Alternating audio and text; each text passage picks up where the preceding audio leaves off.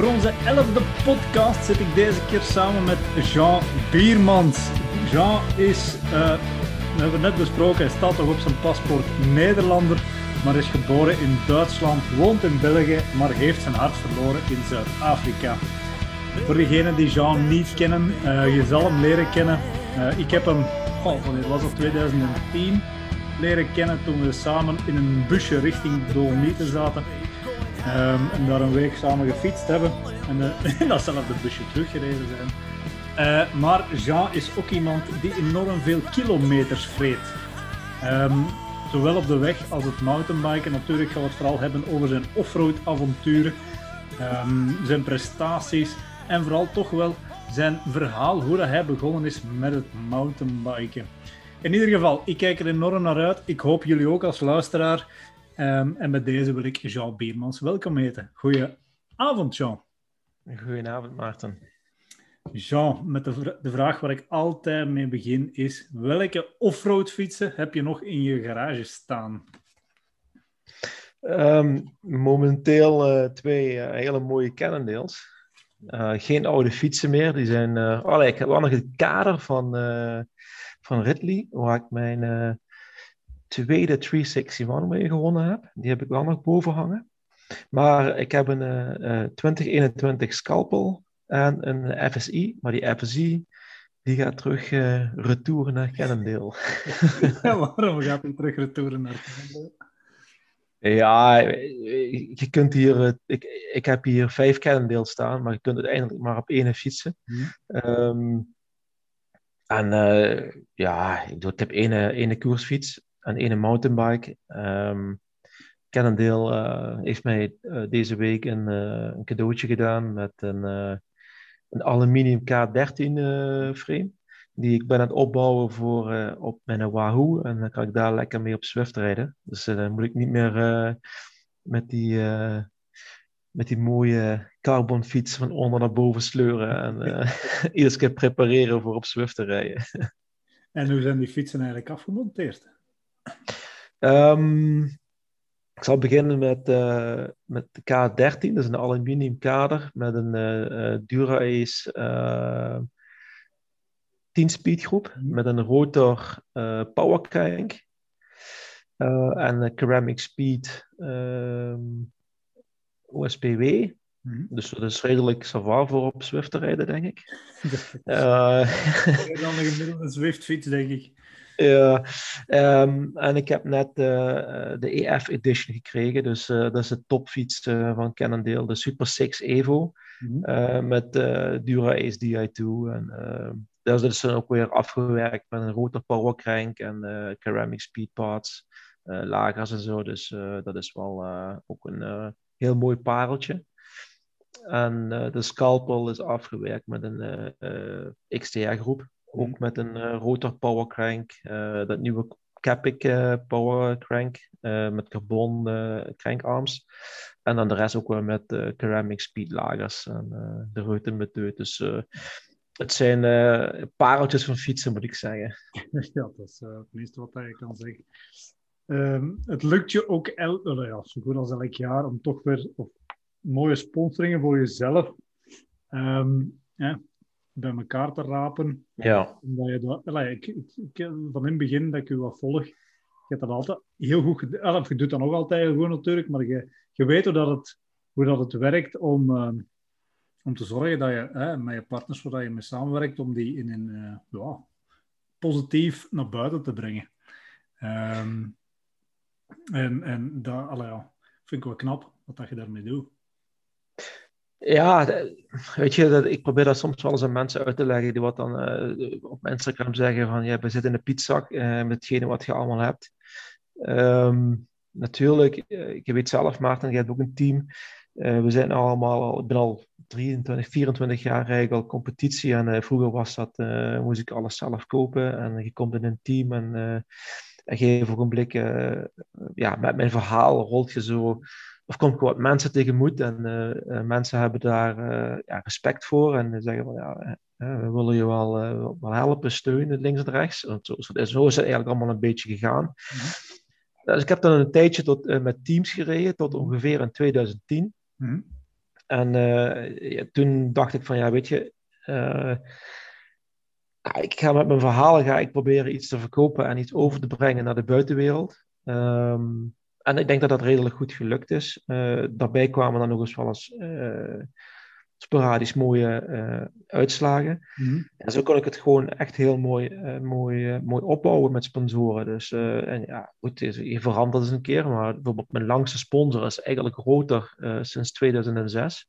Ik vind dat toch al een hele prestatie. Mhm. en ja, ja, nu natuurlijk met Instagram ehm, en andere social media media's ja, daar moet je gewoon in meegaan. Hè? Dus uh, tegenwoordig telt niet meer uh, welk programma of hoeveel resultaten dat je rijdt of waar dat je rijdt. Tegenwoordig is het van hoeveel volgers heb je en uh, hoe succesvol ben je op Instagram. wat, wat, mij, moet ik heel eerlijk zeggen, mij, mij interesseert niet hoeveel likes ik krijg op een foto of, of dat soort dingen. ik wil gewoon mijn verhaal naar buiten brengen. En ik denk dat de mensen die wat mij volgen ook daar een goede reden voor hebben. waarom dat ze mij uh, voorbij kijken. Hetgene wat ik allemaal dat doe. Dat is waar, alleen met alle respect gezegd. En, en ehm, uiteindelijk, ja, binnen de fietswereld ben je wel bekend, maar het is, het is niet dat je bij wijze van spreken uh, echt een hyperprofessionele fietser bent, dat je er voltijds mee bezig bent. Ah, ik noem maar namen zoals nu een Mathieu van der Poel, maar tien jaar geleden weet ik veel wie. Dus dat maakt het nog des te knapper, vind ik. Het is niet ja. dat Dus, dus en dat, dat, dat is nog maar eens een voorbeeld dat hè, inderdaad sponsoring, zoals je zelf ook aangeeft, dat het meer is dan alleen de resultaten. Dat het echt wel niet tegenwoordig gaat om hoe breng ik de mensen waar ik mee samenwerk, of de bedrijven waar ik mee samenwerk, hoe breng ik die in een juist daglicht?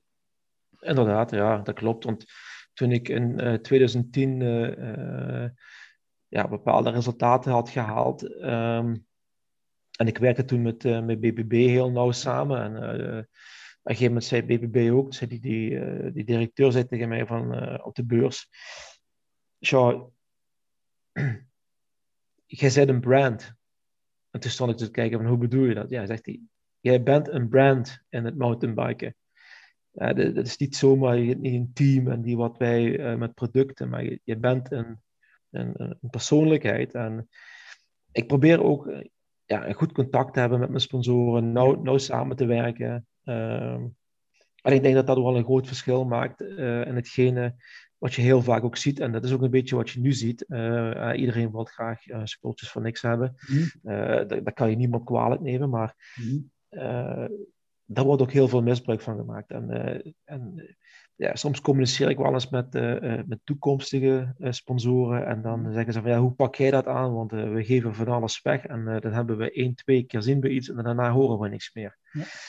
En daar, daar verliezen natuurlijk uh, uh, mensen uh, ja, het contact en het vertrouwen. Hè. Dus bepaalde eh, merken zetten dan niet meer zo rap ja, andere mensen, andere atleten sponsoren. Dus, maar dat contact, hoe, want mensen die daar die luisteren, die, die daarover nadenken en er iets willen mee doen, wat doe je echt concreet om te zorgen dat die, ja, dat die sponsoren tevreden blijven of dat die tevreden zijn? Ik denk. Um, natuurlijk, vroeger was dat heel anders. Hè. Ik had vroeger mijn eigen website en die, uh, daar schreef ik hele, hele artikels. Hè. We, hmm. hadden nog geen GPS, dus uh, we gingen uh, op, op Google, bij wijze van spreken, gingen wij aanklikken hoe wij gefietst hadden. Mm. en daar maakten wij dan een screenshot van. Dus dan hadden wij de route mm. op, op, op, op een map staan. En dan omschreven wij van, ja, we reden daar naartoe en we deden dit en we deden dat en zus en zo. Mm en dat, was, dat waren hele verhalen en dan uh, met wat uh, amateuristische foto's, want je had nog niet zo echt super ja. fototoestellen. Ja. dus ja, zo heb ik altijd eigenlijk gezorgd dat, dat mijn sponsoren op de website stonden. En ik was heel, ben heel erg gelukkig dat ik altijd met fietskledij heb kunnen, samen met, met fietsmerk om te zeggen, met fietskledij mhm. merken heb kunnen samenwerken, die dus ook uh, daar iets in zagen om voor mij kledij te maken waar mijn sponsoren op stonden. En dat was, ja, dat was vroeger altijd uh, al, uh, al iets heel extra's en bijzonders. Mm meestal werd dat alleen maar voor teams of zo gedaan. Hè? Of je moest dan heel kwak geld tegen, ja. tegen gooien. Um, maar tegenwoordig, uh, ik, ik, probeer niet te overdrijven. Ik, natuurlijk, ik overdrijf in, in, mijn fietsritten. en en ja, dat is ook een beetje waar, ja, waar je het verschil kunt maken in het gebruik van het materiaal. Dus waar de, waar de brands ook zien, maar dat heeft ook wel echt een meerwaarde. Hè? Want dat is echt waar mensen mij op aanspreken. van hoe is die broek? Hey, je krijgt echt wel van die directe vragen van welke broek draai jij of waar rij je daarmee? Maar ja, met dat soort communicatie probeer ik dan um, mijn sponsoren tevreden te houden. Hè? Dat is ook een beetje ja, reclame wat je maakt, natuurlijk. Uh, maar ook echt één op één reclame waar, waar profs zich de tijd niet nemen mhm. om, om dit soort vragen te beantwoorden. Weten wel mensen dat ze bij mij terecht kunnen um, en dan specifieke vragen kunnen stellen. Ja, en weet je wat dat dus- ook is? Het, eh, eh, die van BBB zei dat toen, je bent een brand en een brand heeft altijd een verhaal. Hè? Ja. ja. En, en, en het is net door een verhaal te brengen en je rond een merk of, of in samenwerking met een merk, en neem nu die fiets of die kledij, dat zorgt ervoor dat het, bij wijze van spreken, dat de, ik noem maar, zoals BBB, als je, dat, dat, dat zorgt ervoor dat die, dat die naam ergens terechtkomt en dat mensen dat lezen, zonder dat dat pusherig overkomt van kijk, koop dit, en, en dat het echt heel pusherig ja. overkomt. En het is ja, dat uiteindelijk wat dat mensen uiteindelijk gaat overhalen om misschien ooit die broek of dat, of dat onderdeel of die bepaalde fiets te kopen. Niet zozeer van, ja, maar je moet die kopen, want het is maar die prijs en boop en en verder. Nee, ik, eh, ik, dat zul je bij mij, dat zul je mij niet snel op, op betrappen, want ik zal altijd zeggen van, uh, als mensen vragen van, is die Wahoo Rome, is dat, is dat beter als een Garmin? Eh, ja, nee, dat is, ik, mm. die Garmin kan ook goed zijn. Ik vind een Wahoo is, is gebruiksvriendelijk. Hmm. En ik vind het een, een, fijn toestel. Voor iemand anders is die misschien te dik of uh, zitten, er zitten er functies op wat die Garmin niet heeft. Uh, dus ik blijf altijd een beetje neutraal. En, en ja, als mensen vragen hebben voor. Ik kreeg soms gewoon vragen voor, voor garantie. Mm Ik zeg sorry, maar dan moet je niet bij mij zijn. Snap je? Dat is, dat dat, daar ben ik niet voor. Omdat ze weten dat ik gewoon heel goed contact en heel close contact heb met, uh, met mijn sponsoren. Uh, maar ja, goed. Uh, maar ik, ik zal nooit iemand pushen om, om, om iets te kopen. Weet je, dat, broeken zijn heel variabel. zadels, wat voor zadel rij jij? 360 kilometer. Weet je, iedereen heeft zadelpijn. Ik heb ook zadelpijn soms. Mhm. Dus, maar ja, of dat zadel voor mij en, en voor honderd andere mensen wat mij vragen van moet ik dat zadel kopen, hetzelfde eh, even goed is, mm dat, zo, zoiets laat ik altijd een beetje in het midden. Ik kan advies geven, mhm. maar ik zal nooit iemand pushen naar, naar iets. Dat, uh, en natuurlijk als je... Alleen maar uh, de positieve punten dat jij ervaart van dat product. Precies, ja, precies. alleen maar gaan benoemen. Ja. Um, en, en uiteindelijk dat, dat, dat, dat is het enige, denk ik, in dat geval het enige juiste wat dat je kunt doen. En op bepaald moment, als, als het echt blijkt dat dat product of, of die dienst zelfs niet de noden uh, vervult van, van diegene die de vragen heeft, ja, dan is het maar zo. Maar jij kunt maar alleen dat doen en, zonder inderdaad dat pusherige te hebben. Nu, hè, de sponsoren, dat is, dat is een van uw sterke punten. Um, ja, ik dwaalde een beetje af uh, van het verhaal waar, waar, waar, je vroeg van uh, wat andere mensen. Het is een heel groot verschil om um, vanuit mijn positie te praten, mm. met mijn verhaal en, en dan mijn prestaties. Mm. En hetgene wat ik fiets. Dat is een beetje waar, uh, waar mijn sponsoren natuurlijk ook zien van waar ze respect voor mij hebben. Als ik iets vraag, wordt het altijd heel vlot opgepakt. Dus dat, dat is wel een voordeel wat ik heb. Hè. Mm. Um, natuurlijk, als iemand komt en zegt van ja, ik wil eh, een, fiets gesponsord krijgen, um, goh, ja, dan gaan ze eerst eens goed kijken van uh, wat doet die persoon eigenlijk? En of die nou, maar als een hele goede, hele goede fietser is en die rijdt in competitie heel goed, zal maar zeggen, en dan kan het soms zijn dat, dat die op, op Instagram of op, op bepaalde uh, social media niet zo actief is. En, dat kan wel een bepalend punt zijn tegenwoordig. Mm Nee, maar dat, dat, ik heb ooit eens een, ehm, ergens een avond gevolgd. En, en dat ging dan, ah, het ging toen over een motocross.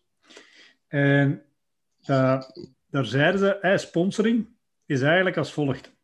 Je hebt het, de absolute top in die motocross, maar zeer zeer in het fietsen. Daar wordt zelf, en, en die rennen altijd vooraan en die winnen, die winnen heel veel en altijd. Daar wordt niet over gediscuteerd. Die krijgen sponsoring, punt. Want ja, het feit dat ze winnen, zorgt ervoor dat ze veel op tv komen of in de kranten en zo verder. Maar je hebt een hele grote groep die eronder zit. En dan gaan ze kijken van, oké, prestaties, ja. Maar wat er op communicatiegebied... En eh, zoveel jaar geleden was dat dan website en, en eventueel... Maar nu is dat natuurlijk uw eigen social media.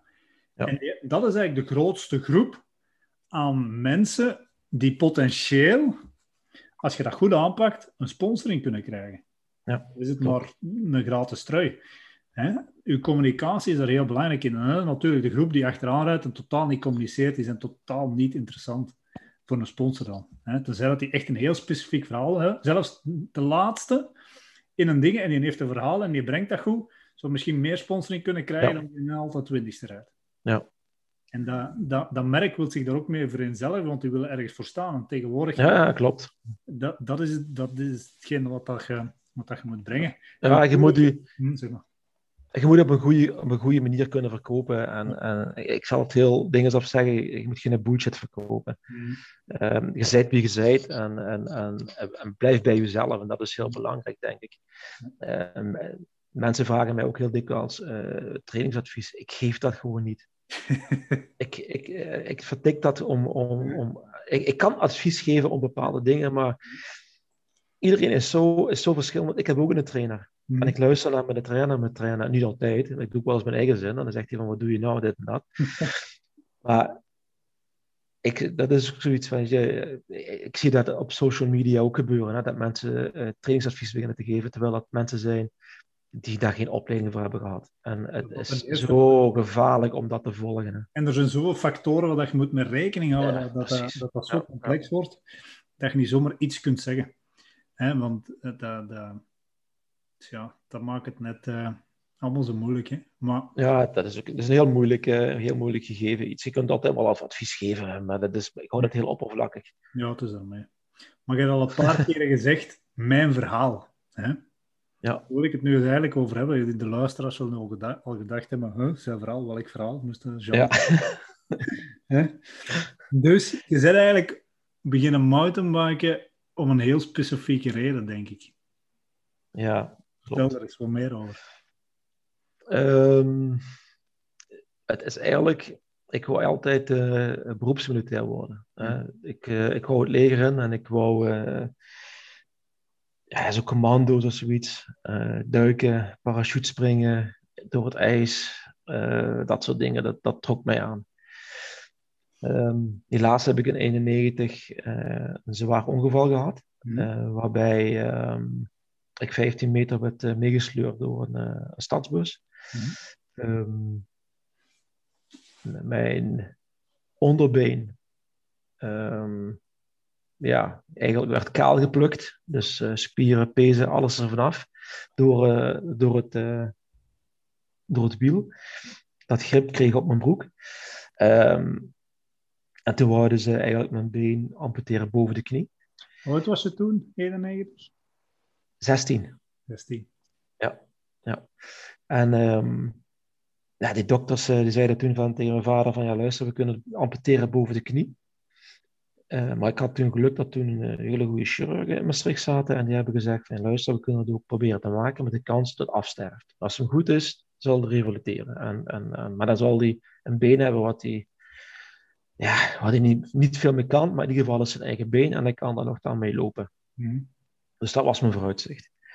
Ehm, ik heb dan een tijdje in het ziekenhuis gelegen en uh, toen ben ik uh, begonnen aan een revalidatie van 2,5, bijna drie jaar. Ik heb toen op het einde van mijn revalidatie weer een zwaar ongeluk gehad met de auto. ja, dat was echt uh, dramatisch. Um, maar je, je reed hem zelf met de auto of nee?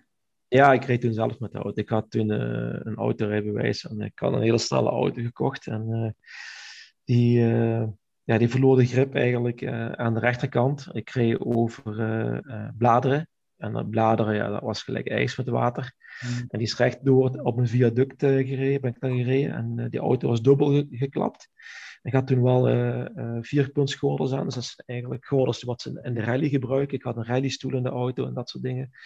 Waardoor dat ik ja, vrij safe zat eigenlijk. Mm. alleen moest de brandweer mijn auto in, in, in, twee zagen om het eruit te krijgen. Want de motorblok die lag bij wijze van spreken op de, bij, op de bijrijdersstoel. en toen heb ik weer een kleine revalidatie gehad. En ja, op een gegeven moment had ik zoiets van, ja, weet je, ik, ik, moet iets gaan doen. Ik deed, ik deed toen uh, fitness en, en, en, bodybuilding, want ik, ik kon eigenlijk niet veel met dat been. Uh, het was echt, ja, het was ja, zwak, zal ik maar zeggen. En toen zei iemand tegen mij van, waarom ga je niet eens gewoon wat fietsen? Nou, ik zei, zeg, ja, is goed. En een vriend van mij, die werkte in Maastricht in de fietsenwinkel, zei van, ja, kom eens een keer langs, want die zat op de sportschool. En hij zei van, ja, we gaan op zondag altijd mountainbiken. Uh, daar is eigenlijk naar voorbij. Ik daar langs gegaan in die winkel en gaan kijken. Oh, die fietsen zijn wel duur. Hè? Je kent dat de eerste keer een fiets kopen. En dan, iedereen die schrikt dan. Hè? Zelfs toen in die tijd. Iemand die pas begint met fietsen vindt dat altijd. Ja, ja die schrikt altijd. En uh, toen dacht ik van, ik zag zo'n Giant staan. Ik ben altijd wel iets van zo'n speciaal ding. En ik zag zo'n Giant Box staan. En de Giant Box dat is eentje, volgens mij, gewoon van vier, vierkante buizen was dat toen in die tijd. en uh, ja, ik die dat gekocht en hij zegt van ja, ik heb nog wel wat uh, fietskledij. En dat was dan de fietskledij uit de jaren negentig. Dus dat was dat met die, met die fluo uh, ah, kleurtjes. Hè. En ja, ik daarmee mee gaan fietsen. En ik zei, ja, weet je, een paar keer gefietst daarmee. En dus Jan, toen was die kameraad van mij, die zei, ja, dat, dat ja, die fietsen dus eigenlijk niks. En dan begin je eigenlijk zo aan die fietsen derailleur te veranderen en dit te veranderen. En voordat je het weet, geef je een hoop geld uit. En dan denk je van, ja, had ik toch maar een andere fiets gekocht. En uh, dat is uiteindelijk dan ook gebeurd. Ik ben toen uh, overgestapt op een, een Cannondale. Een, mhm. v, een V800 volgens mij was dat. Of eerst een V700 en daarna een V800 met zo'n headshock waar je het over had met Chef. Dat was een food suspension. Ja, ja dus, ik zeg het, de, Chef inderdaad ook over gehad. Wordt dat nog gemaakt? Ja. Uh, die headshock, uh, nee, helaas niet meer. Allemaal lefties, hè? All, allemaal lefties. Ik moet zeggen, dat is uh, echt super sweet rijden. Dus, maar daar komen we misschien straks nog wel een keer op terug.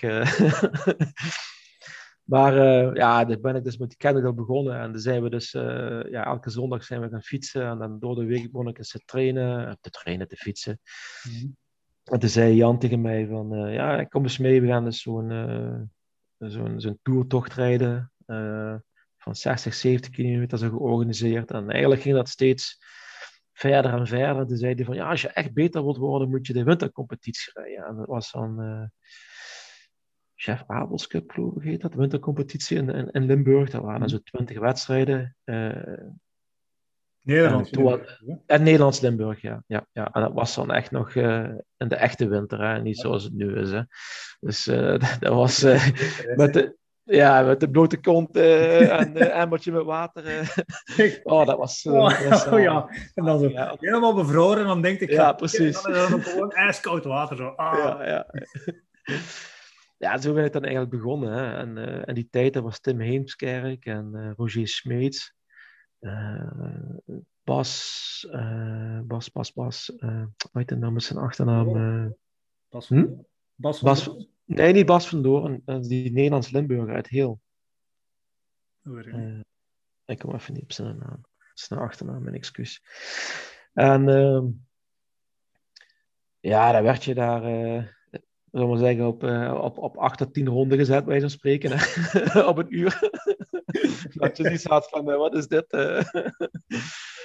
ja, en zo is dat eigenlijk zo'n beetje ontstaan. En toen ben ik steeds serieuzer beginnen te fietsen. Ik, wou die wintercompetitie, dat, dat was zo'n beetje mijn doel. Hè. Door de zomer was zo een beetje nog... ja, dat was dan eens wat fietsen en dan op stap. En en dan voor de winter wil ook dat wel goed zijn. Hè? En dan Jan... je, was, je was nog een van die mensen die dacht dat mountainbiken een, een wintersport was. Ja, toen wel, ja. Ja, ja klopt, ja. Ja, toen kwamen zo in de zomer kwamen toen uh, wat van die, van die marathons hier zo in de Ardennen, zo, weet je, dan reden de halve marathon. Uh, ja, zo is dat zo een beetje gegroeid. En uh, ja, dat was wel ja, een hele leuke tijd. Maar op een gegeven moment komen we er ook achter van, het is niet alleen maar winter, maar ook de zomer. Mhm. En ja, dat op stap gaan, als je dan met een kater op zondag gaat fietsen, dat helpt ook niet. dus dat, daar ben ik dan ook mee gestopt. en toen is het eigenlijk steeds serieuzer gegaan. toen kwam ik, een, een, vriend van mij, Danny Seijen, die reed toen wedstrijden op de weg en die deed ook wat mountainbiken. En uh, dat was wel een van de betere in Limburg. En zo is mijn been nog steeds sterker en sterker geworden. Hè? Want ik was echt toen wel bekend uh, met de man met zo'n, met zo'n brace, want ik moest mijn been beschermen. Hè? Dat was. wat doe je nog? Als je... Alblieft? Wat doe je nu nog? Ik doe dat met mountainbiken nog. Op de weg doe ik dat niet. Dat is eigenlijk heel stom. Maar ja, geen een of andere manier ik moet even afkloppen, val ik niet zo heel dikwijls op, de, eh, op het asfalt. Toevallig wel met, tussen kerst en nieuwjaar ben ik even op mijn schouder gevallen en dan ook op mijn been. Ehm, dan zie je gewoon als je dan een, een, een schaafwonde hebt, dat dat dan toch ja, drie of vier keer zo lang duurt als bij een normaal stuk, stuk, stuk vuil. Dus mijn vel is echt heel dun, hè? dat is zo dun als een vloeitje. Hè? Dus er zit geen vet tussenin, daar groeien geen haren meer op. Dat is echt splinter, splinter, splinter dun. Dat is echt afgetraind. het meest afgetrainde deel. Dat is het meest afgetrainde, inderdaad. maar wat ik me eigenlijk net bedacht, hè, omdat je dan zegt, mijn been werd altijd sterker. Um, dus als ik, ik moet me af, dat, was uw, dat is uw linkerbeen, hè, dacht ik? Linkerbeen, ja. Linkerbeen, ja. Dus op een bepaald moment was die spiermassa ook een bovenbeen volledig weg dan? Alles was weg, dat was, daar zat niks meer in. Hè. Dat was, mijn bovenbeen was zo dik als, uh, als het bot wat erin zat, bij spreken. Hè. Dat, hebben, dat hing, uh, mijn bovenbeen zaten twee pinnen in. Mm in mijn onderbeen zaten ook een, een, viertal pinnen. En mijn, mijn voet zaten een paar pinnen. En dat hing dat eigenlijk op aan, uh, aan draadjes, mijn been. En toen ze de eerste keer gingen verschonen, want er zat, zat heel veel bandage over. Hè. Je, je, zag zo niet dat dat, dat, dat niks meer was. Hè. En toen die bandage er vanaf was, nou ja, zo breed als het scheenbeen is, zo, zo, dat was mijn kuit ook. Hè. Dat was gewoon... Uh, dat was een rollade. Hè. Als je een rollade ziet liggen in, uh, bij de slachter, hm. hè, met zo'n netje omheen, zo, zag, zo zag dat uit. Dat, dat, dat was niet meer, dat was gewoon weg. Hè. Er zat niks meer in. Niks meer, niks meer. En ja, zit, heb, zit daar nu nog altijd met een krachtverschil? Of? Als ik als je nu naar de technologie gaat kijken van tegenwoordig, ja, want ik, heb, uh, ik, ik werk heel nauw samen met Rotor en we doen die, we doen die testen om te kijken van uh, op welke stand moet je rotorblad staan en uh, ze draait dat uit. En ja, ik ben nu 23 jaar verder en dat, ik moet zeggen, okay, dat was ook al een aantal jaar geleden.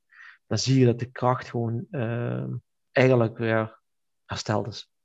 Super. Dus ja, natuurlijk, slijtage in mijn knieën, ik heb artrose. Mm dat zijn altijd natuurlijk wel, uh, um, ja, op, op, op de lange duur ga je natuurlijk wel verschil merken. Ook, ook, een beetje pijn in de voet en dat soort dingen.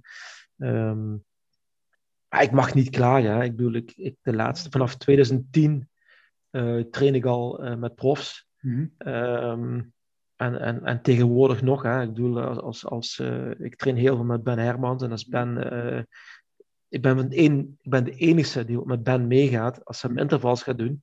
En de rest heeft er gewoon geen zin in. Het is niet dat ik Ben, het is niet dat ik Ben kan bijhouden als hij die intervals doet, maar ik doe ze wel mee. Dus mhm. als hij vijf minuten blokken doet, mhm. doe ik ook vijf minuten. Maar ik doe ze dan wel op mijn, uh, op mijn FTP. En hij doet ze samen zijn FTP. Maar is, en, en hij vindt dat leuk als ik meega. Hij ziet af, ik zie af. Mm En daarna rijden we samen uh, terug naar huis en hebben uh, super goed getraind. En ja, natuurlijk, dat, dat gat wordt steeds kleiner. Uh, uh, nee, ik word ook ouder natuurlijk, maar, maar ja, je wordt ook steeds sterker. Hè? En dat is, dat is mijn, waarschijnlijk mijn mentale kracht, die heb ik uh, overgehouden na mijn ongeluk. Um, die wilskracht om terug te revalideren. Elke dag naar, het revalidatiecentrum gaan in Maastricht, in, in het ziekenhuis. Mm -hmm. ze hebben mij uh, met een camera opgenomen. Uh, dus hoe ik liep. Mhm. En op het laatste zag je niet meer dat ik een handicap had aan het been. Eigenlijk alleen als ik moe was, dan begon ik te slepen met mijn been. Maar je zag het gewoon niet meer. En dat is gewoon hetgene waar ik naartoe werk. Is een soort van perfectie. En dat zit gewoon in mijn hoofd geprint. En dat blijft, ja, dat achtervolgt mij nou gewoon in het fietsen natuurlijk ook. Hè. want je, je hebt nu even al een stuk verteld over je sportieve verhaal. Hè, omdat je, je zei ook ergens van 2010 werd het allemaal wat professioneler. Hoe dat? Op welke manier? Ja, um, in 2009. Mm ik, ik, ik, kreeg, ik kreeg al, al voor, voor teams, maar dat was eigenlijk en dat was perfect qua sponsoring. Hè. Je had fietsen, je had een racefiets, mountainbike. En eh, vroeger was het nog wel wat overdreven. Dan kreeg je bij een spreken 20 kettingen mee naar huis. En, uh, en uh, 40 liter olie voor je ketting en dat soort dingen. Dat, vroeger kon dat gewoon niet op. Hè. Ik heb nu nog boven spullen liggen. Ik heb nog een 9-speed ketting boven liggen. Een 9-speed? Een 9-speed ketting. Ligt gewoon nieuw in de verpakking boven. Dus als er iemand een 9-speed ketting zoekt, ik heb hem nog. maar ja, vroeger was het gewoon een beetje overdreven qua sponsoring. En, uh, maar uh, toen begon het zo'n beetje zo wat, uh, begon je anders te trainen. en op een gegeven moment kwam ik in, in, in, in Hassel te wonen. En Leon van Bon, die woonde, die woonde toen ook nog in Hasselt. En ik kwam toen met Leon in contact, omdat mijn stiefdochter Jill, die zit bij dus een dochter in de klas. En toen zei ze van, uh, tegen mij, papa, uh, ja, niet papa. Ja, er zit iemand bij mij in de klas die haar papa fietst ook en zo. En zo kwam dat eigenlijk tot stand en uh, ben ik met Leon gaan fietsen. En Leon zei tegen mij van, ja luister, ik wil wel met je trainen. Maar ik beslis of dat iets gaat worden, ja of nee. En toen zijn we naar, naar Monschau gefietst vanuit mhm. Hasselt. Dus dat was op en neer iets van 200 of 220 kilometer. Mm en dan begon hij eigenlijk op het laatste steeds harder te fietsen. En dan wilde hij kijken of hij er van mij er vanaf kon fietsen. En ik was dus eigenlijk geslaagd voor, voor het fietsexamen met Jon van Bon. Want die was, Jon van Bon test doorstaan. Ja, precies. ik heb toen ook wel uh, uh, ja, tegen de kramp aangezeten. maar ik had wel zoiets van, ja, ik ga het niet opgeven en uh, niet, niet plooien. En ja, toen is dat zo een beetje ontstaan om met Leon te gaan trainen. En dan, en dan ga je met een, met, met een prof trainen en dan, en dan krijg je wat andere inzichten. Mm. Um, en uh, toen kwam ik ook uh, uh, voor dat Duitse team te rijden, mm. Quantec. en die eigenaar die had een eigen, een eigen testcentrum, die was ook trainer. En die begon die trainingsprogramma's van mij te maken. En toen zijn wij, ik had al een aantal keer van die 24 uur wedstrijden gewonnen, hè, samen met Bob Brentjes in, in het team vieren. En ik had voor Univega had ik al een, een aantal overwinningen op de 24 uur. En met, met z'n tweeën dan, hè, met een tweemansteam. En toen gingen we dus naar dat, uh, naar dat WK toe in, in, Duitsland, dat 24 uur. En ja, dat hadden we dan gewonnen. Dus ja, toen kwam dat zo een beetje zo, uh, ja, ja, wereldkampioen 24 uur. En iedereen had zoiets van, ja, wat is dat? En het was dus super onbekend. Mhm. dus, ja, voor de mensen die dat niet weten, want ja, pas op, hè, we zijn nu 2021. Ik heb dat weten gebeuren, maar er is zo'n nieuwe generatie die gewoon niet weet dat dat bestaat. nee. nee. Ik koer, Allee, nu niet in deze tijden, maar mm. ik dan nog 24 uur WK. Ja, ja, ja, nee, dat niet meer volgens mij. Dat is ook zoiets, dat was ook zoiets, ja. Ja, dat is een paar jaar echt serieus geboomd, hè? Ja, ja, ja klopt, ja. ja, ja. Maar dat, dat zijn nog wel zo van die 24 uur uh, events. En uh, ja, je ziet dat op de koersfiets het gaat ook een beetje opkomen. Ik heb nu een aantal, aantal jaren heb ik altijd deelgenomen voor bike components in de, op Nürburgring en Rad am Ring. En, uh, maar dat was, uh, de laatste paar jaren heb ik dan een solo gereden. En dat, uh, soms dan was dat, zat dat weer echt, echt vies tegen. En, eh, en meestal kwam ik ook... dat was zo'n beetje de klik hè, in 2010. Dat ik zo echt wat meer zo ging kijken naar, naar langere afstanden te fietsen en dat soort dingen. En even kijken, 2014 mm kwam ik in contact met een Zuid-Afrikaan. Ja. En uh, die zei tegen mij van, uh, nou, ik zei zo van, ah, ja, die woonde in Cape Town. En zei, ik zei van, oh, de Cape heb ik dit en dat. En maar zegt hij, ja, je hebt hier zo veel mooie andere mhm. wedstrijden. En gezien dat jij graag van langere afstanden houdt, ik, ik zal je eens een lijstje sturen met, uh, met van, die, van die events. En hij stuurde me vijf events. En ik zag daar de, de 361 op staan. En ik was zo aan het kijken, dus ik zei, 360 kilometer. S'avonds om vijf uur starten. De nacht door. De nacht door. Ik denk van, weet je, dat is zo... Ik zag die tijd van die winnaar, dat was iets van... 18 uur volgens mij, 18, 19 uur had die winnaar gereden. Dus van, ja, dat komt een beetje in de buurt bij 24 uur rijden. Ik zei, oh, dat al bijna 6000 hoogtemeters. Maar op zich, ja, oké, hier, hier rij je ook veel hoogtemeters in, in, in het zuiden. Als je uh, rond Spa gaat rijden en dat soort, dat trainde ik toen ook wel redelijk veel daar. En ik dacht van, ja, weet je, ik zei tegen hem, dat is wel iets uh, wat, wat, me wel chic lijkt uh, om te doen. Mm. Dan zegt hij, dan heb je geluk, want ik ken iemand die sponsort dat event. Mm -hmm. de 361, 361 Management. Dus dat was zo, de, de, sponsor was eigenlijk ook het idee van, uh, van de organisator om, om het ja, 360, 360 kilometer, mm uh, één lust, 360 graden. Ja. Uh, dat was zo het idee achter dat event. En uh, ja, ik, ze hebben mij in contact gezet en, en voordat ik het wist, was eigenlijk een, een vliegticket geboekt en was ik uitgenodigd.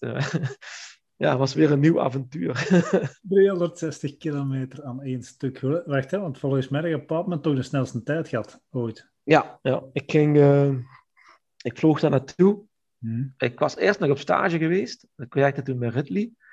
En ik was op stage geweest. Ik moest mee op stage uh, om wat producten te testen van die mannen van Lotto. Hmm. En uh, ik kwam daar en ik, eh, ik kon Grijpel al. En toen zei Grijpel, ja, je traint de hele week met ons mee. Dat was toen de klassieke ploeg die wat naar Australië ging. En uh, ja, die waren in hun laatste voorbereiding voor af te reizen naar, was zo'n laatste stage om af te hmm. reizen naar Australië. En ik trainde elke dag met hen mee. En op een gegeven moment uh, ging sergeant en uh, zaten allemaal in de auto. En die zeiden van, uh, die biermans, die blijft wel van achter hangen. Die gaat niet in die groep rijden. Hè? Want dat is een beetje gevaarlijk. Hè? Want dat is geen prof. Ja, die mannen hadden zoiets van, die, die, die, trainen elke dag met ons mee. Dat is echt geen gevaar. Hè? Maar ja, ik mocht niet in die groep rijden. En, en een gegeven moment reden ze, waren ze time trial aan het trainen. En ik mhm. reed erachter. Mm -hmm. En tijdens de training was ik mijn beenstukken uit aan het doen. En die mannen zeiden van, ja, die gaat dadelijk lossen. Hè? Dus ik had mijn beenstukken uitgedaan. En ik ging die afgeven aan de auto. En ik reed terug naar die mannen met de tijdritfiets. En ik, op een gegeven moment moesten we stoppen voor cola en zo. Mm. En toen kwamen ze naar me toe van de ploegleiding. En zeiden ze van, weet je wat we gaan doen? Jean die gaat nu demareren en jullie moeten hem proberen terug te pakken. en dat was echt, dat was gewoon, uh, toen had ik een beetje respect afgedwongen bij, uh, bij de ploegleiding. En uh, toen vonden ze het ook niet meer erg dat ik er tussenin zat te rijden. Rijker vond het sowieso, vond het sowieso een beetje, had zoiets van, ja jongens, wat zeggen jullie nou? die jongen kan echt, die jongen kan echt goed fietsen.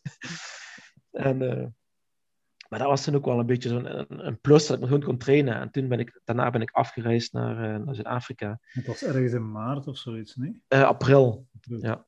Ja, begin, volgens mij was het eigenlijk van begin april of zo. Hmm.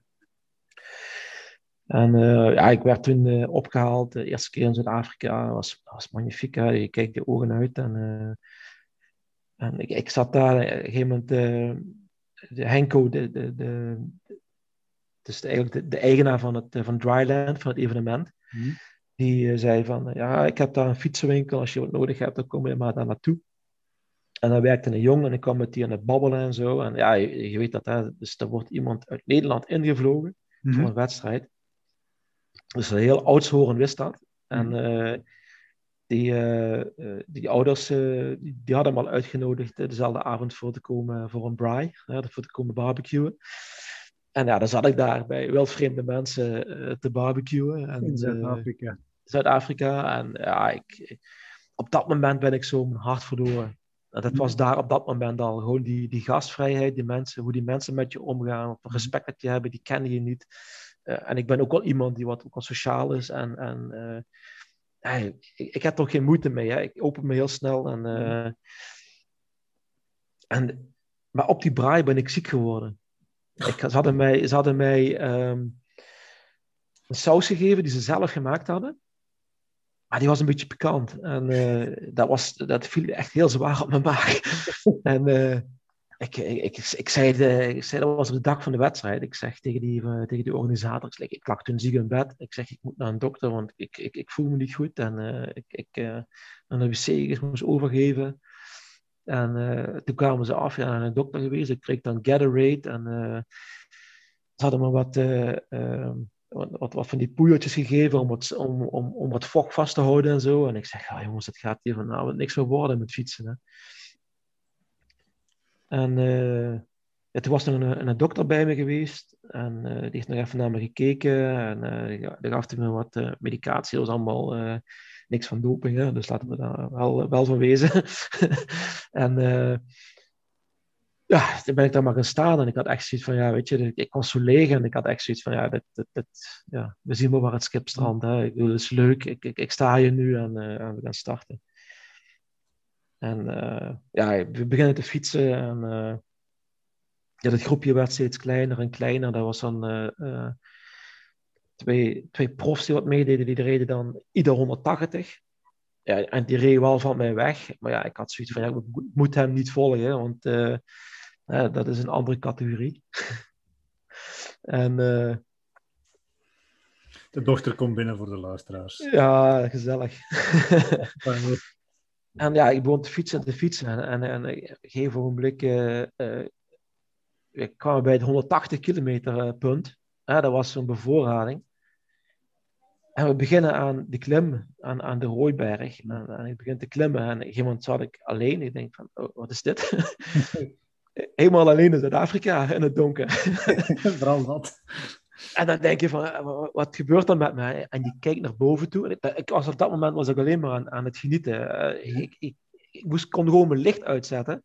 De, mhm. de, de, de sterrenhemel was zo helder dat, dat ik gewoon licht had van bovenaf. En ik heb de hele klim heb ik in het donker gereden ik had dat, ik had dat expres gedaan, want ik zag achter mij zag ik wel allemaal lampjes. Hm. Ik zeg, als ze, als ze mijn lampje niet zien, dan zien ze weten ze niet waar ik ben. En dan gaan ze ook geen gat proberen dicht te rijden. dus dat was ook een beetje tactisch. Maar in de afdaling van de Rooiberg, dat is echt heel erg tricky, uh, daar moet ik wel mijn licht aan zetten. En toen begon het zo eigenlijk zo'n beetje... Eh, ik, ik, was over de 200 kilometer heen. En uh, ja, je begint dan een beetje met jezelf te vechten natuurlijk op een bepaald moment. En een gegeven moment kwam het, het, het, het zonlicht en het werd warmer. En uh, ja, dat was eigenlijk alleen nog maar genieten. Oké, okay, de laatste kilometers, ik heb natuurlijk wel afgezien. Mm. Maar uh, ja, heel jammer, want ze hebben toen eigenlijk alleen maar een foto van mij van, uh, bij de start. Mm. En een foto van mij op het podium. dus en tussenin, ja, dat was, het evenement was toen op zich nog heel klein. Ik denk dat er zo 600 tot 700 deelnemers waren op dat mm. moment. Um, maar ja, goed, ik, ik, ik was op dat moment uh, volgens mij meer dan drie uur sneller als de winnaar van het jaar daarvoor. Uh, dat was immens, hè? die mensen werden helemaal gek. Hè? Mm. En, uh, ik ben gaan slapen en op een gegeven moment werd ik wakker en uh, ja, die mensen bleven binnenkomen. Je hebt 36 uur voor binnen te komen. Hè? Dat zijn mensen die hebben twee keer de zon zien ondergaan, wij spreken. Dus, ja, ja. dus maar ik, het, het mooiste moment... zijn zo s'nachts... S'nachts sowieso fietsen, in het donker fietsen heeft altijd iets speciaals, zoals hier in de buurt. Maar dan zeker in Zuid-Afrika, waar eigenlijk ja, buiten het natuurlijke licht geen licht is. Hè? Geen licht. Nee, het is, het is echt als je in de buurt komt van waar een stad is, hm. waar dat jij eigenlijk licht ziet. Hm. En anders heb je geen invloed, uh, zoals in, uh, ja, in Europa zou maar zeggen. Mm. Als je naar de sterrenhemel kijkt, dat is bijna onmogelijk. Hè? Want je hebt zoveel licht van onderaf. Mm. Uh, maar daar is het gewoon stokdonker. En, en, en, dan hoor je ook geluiden waar je van denkt van, wat was dat? en dat is wel leuk. dat, dat je soms, ja, dat je, ja, je weet dat je in Zuid-Afrika zit. En natuurlijk, ja je zult niet heel snel een, uh, ja, een baboen, die kom je wel snel tegen, die kan je wel tegenkomen. Maar het is niet dat er een keer uh, een, een, tijger voor je staat of zo, of een olifant. maar uh, ja, dat is wel heel speciaal, het gevoel. En, en, en ik denk dat dat ook wel allemaal van die hele kleine stukjes zijn mm. waarom ik zo verliefd ben op Zuid-Afrika. Ja. Dus de, de puurheid, uh, de mensen, uh, het eten is fantastisch, mm. uh, de wijn is fantastisch. Ja, ja. ja, ik ben er ook dan in 2015 geweest. Het is, ja, ja, het is, je kunt, ja, het is heel, heel, ja, je ziet dat dat, dat daar nog een beetje hangt, zo die apartheid, klein beetje. Ja want je ziet uiteindelijk alle leidinggevende functies en blanken en alles dienstverlenend en zwart. Maar dat land op zich, die natuur, ehm, en inderdaad de mensen, hè, dat is ongelooflijk hoe relaxed dat die zijn. Dat is niet ja, ongelooflijk. Dat is natuurlijk, en wij zitten dan daar in een, in een sportevenement dat dan georganiseerd is. Hè. Ehm, maar uiteindelijk, het, het land heeft ook gewoon heel veel tegenstrijdigheden. Hè. Ah ja, tuurlijk, tuurlijk. Ja. Ehm, maar ja, als, als je daar naar een evenement gaat, ja, dat is wel af. En alles er rond is. Allee, ook het, als je daar ligt af te zien op de fiets en ze steken u voorbij. Jij, dan misschien, jij maakt dat misschien niet mee, maar ik wel. Ze steken u voorbij, dan zeggen ze nog goeiedag. Of jij steekt ja. voorbij, dan zeggen ze nog goeiedag. Ja, ja, ja. Altijd. Ja, ja, dat is... Ik moet zeggen, de competitiviteit is daar wel anders dan hier. Uh, dat, dat, heb ik wel gemerkt. En dat is misschien ook wel een reden waarom ik zo graag daar rij, eigenlijk. En, uh, of je nu snel bent of niet snel bent die, uh, ze hebben eigenlijk wel respect voor je. Dat, dat merk ik wel. Dat is, wel, uh, dat is van een groot, groot verschil tussen Nederland en België. Uh, ik bedoel, er zijn ook mensen die, die wat respect voor je hebben, maar dat is toch op een andere manier als het daar is. Ja, inderdaad. Dat, dat is wel... Het zit echt in je cultuur in. Zo. Dat is... Ja, dat klopt. Want je hebt die een paar keren gedaan, dacht ik, hè? Ja, ik heb een aantal starts gedaan. Ik ben het, uh, het jaar daarna ben ik dan teruggegaan. Het mooie van het verhaal is eigenlijk dat ik die, die mens, uh, Rob, die wat mij, uh, waar ik dan de contact mee had, wat dat dan heeft georganiseerd voor mij. Ik, ik, heb die tijdens mijn trip niet gezien. Hè. Mm. Ik ben, een, ik ben via Johannesburg naar George gevlogen en van George hebben ze me opgehaald en George afgezet, Johannesburg terug naar huis. Ja. Dus ik heb Rob niet gezien en datzelfde jaar had ik zoiets van, ja, weet je, ik had die van Dryland zei, waarom kom je niet voor de Cape Pioneer? dus uh, op het, uh, was het einde van het jaar of zoiets ongeveer. Hmm. En uh, ik zeg, ja, dat is misschien wel een, dat is misschien wel een leuk idee. En toen zei Rob van, ja, weet je wat, wat je dan doet, dan kom je op voorhand en dan kom je bij mij slapen. Mm En dan kun je vanuit Kaapstad uh, kun je naar, uh, naar Oudzoorn gaan. Mm En dan die wedstrijd rijden. En ik zeg van, ja, dat is wel een goed leuk idee. Dus ik kon hem leren kennen en zijn familie. En uh, ja, dus ik heb ik heb eigenlijk ik heb mij opengesteld. Mm -hmm. natuurlijk, eh, ja, Rob uh, heeft een heel mooi en prachtig huis mm -hmm. uh, onder uh, Lion's Head met uitzicht op Robin Island. Dus dat is niet verkeerd waar die, waar die ligt. en die familie heeft mij zo, zo hartelijk ontvangen. En, en dat is nu, nu is dat eigenlijk gewoon echt familie van mij. Dat is echt dat is ongelooflijk. Ik, ik ben eh, zes jaar. Ik ben een zeven keer, acht keer daar geweest. Ehm, maar ik heb Zuid-Afrika eigenlijk beleefd uh, niet als toerist, mm -hmm. maar als zijnde iemand, als een local. Ah, dus ik, ik, ik, ben alleen enkel naar, naar, naar, naar local uh, uh, coffeeshops gegaan en ik heb mij niet in, de, in het toerisme eigenlijk gegooid. en, en daardoor kreeg ik ook een heel ander zicht en dan zie je ook um, beter de gevaren. Hè? Ja. Dus waar, waar als je fiets, als fietser zijn, mee moet uitkijken als je dingen gaat fietsen. Mm -hmm. uh, dat is niet, niet ongevaarlijk als je alleen gaat. Ja. Uh, ten eerste niet alleen voor het verkeer, maar ook dat ze je van de fiets afhalen met geweld voor je fiets. dat zijn helaas ja, dingen wat wel dagdagelijks daar gebeuren. Mm ja, dat, dat, dus heb ik me eigenlijk gewoon uh, ja, opengesteld en, en, en nog meer verliefd geraakt eigenlijk op, uh, op Kaapstad eigenlijk. ja, maar het en dan, zien dit niet, maar achter u hangt een foto van Cape Town. Hè? Ja, precies. Ik heb een, uh, een heel groot Ja, vooral een stadion dat ik nu zie. Ja, ja. dus je kijkt eigenlijk vanaf de zee, kijk je... Um, kijk je, kijk je op, op Kaapstad, Table Mountain en... ja. Dat is, en, en, ik kan dan precies aanwijzen wat die. Ik heb dan nog iemand leren kennen, eigenlijk in het jaar daarna, in 2015. Toen had ik eigenlijk een, op Facebook een post gezet van als iemand vanuit Kaapstad naar Oudshoorn rijdt. Mm. ik zoek een lift. Ja, als moest ik een auto huren. Ja. Kon ook natuurlijk. Maar iemand zei tegen mij van, die, stuurde, die, stuurde mij meteen een bericht. Ja, ik heb jou gezien in 2014. Mm. En in 2014 heb ik eigenlijk een beetje niet alleen de overwinningen binnengehaald, maar ook heel veel harten van Zuid-Afrikanen. En um, ik had een, een, een, doos gewonnen met uh, CBC, uh, Cape Town Brew uh, bier. Mm -hmm. En er zaten volgens mij er daar 20 flessen bier in, maar ik, ik, ik ben geen bierdrinker. Mm -hmm. Dus ik heb 20 flessen bier heb ik weggegeven aan die mensen die wat in de zaal zaten. En het prijzengeld dat ik had gekregen, mhm. heb ik eigenlijk gespendeerd. Ik zei van, ja luister, ik heb maar 20 flessen, maar iedereen die wat, uh, die wat dorst heeft, die gaat nu naar de bar en ik betaal. En daar heb ik mijn prijzengeld aan gespendeerd. En uh, ja, iedereen heeft eigenlijk op mijn kosten uh, toen gedronken. En ja, weet je, dat, is nu, dat, dat verhaal gaat natuurlijk nog altijd de ronde. En ik had echt zoiets van, ja, weet je, voor mij, ik, ik vond het prachtig. Mhm. En uh, ook om iets terug te geven, weet je. En uh, zeiden van, ik heb jou in 2014 daar gezien. Je bent zo fantastisch mensen. Ik, ik mhm. zou je graag een lift willen geven, want ik ga ook weer rijden. En hij heeft dan ook al een paar keer gereden. En ja, Gus uh, is ondertussen ja, een hele goede vriend geworden. Ik heb eigenlijk bijna alle keren dat ik met naar de 361 ben gegaan, ben ik met hem geweest en zijn familie. Ehm, en we hebben ook samen de Moonga gedaan twee keer. Ja, dat wil ik nog vragen. De Moonga is ook gedaan. Hè? Ja, ja. In 2015 de Moonga niet kennen. Wat is de Moonga? De, de Moonga is uh, een non-stop wedstrijd um, van Bloemfontein. Dus dat ligt eigenlijk, uh, het zal zijn 500, 600 kilometer onder Johannesburg. Mm -hmm. Van Bloemfontein naar Kaapstad.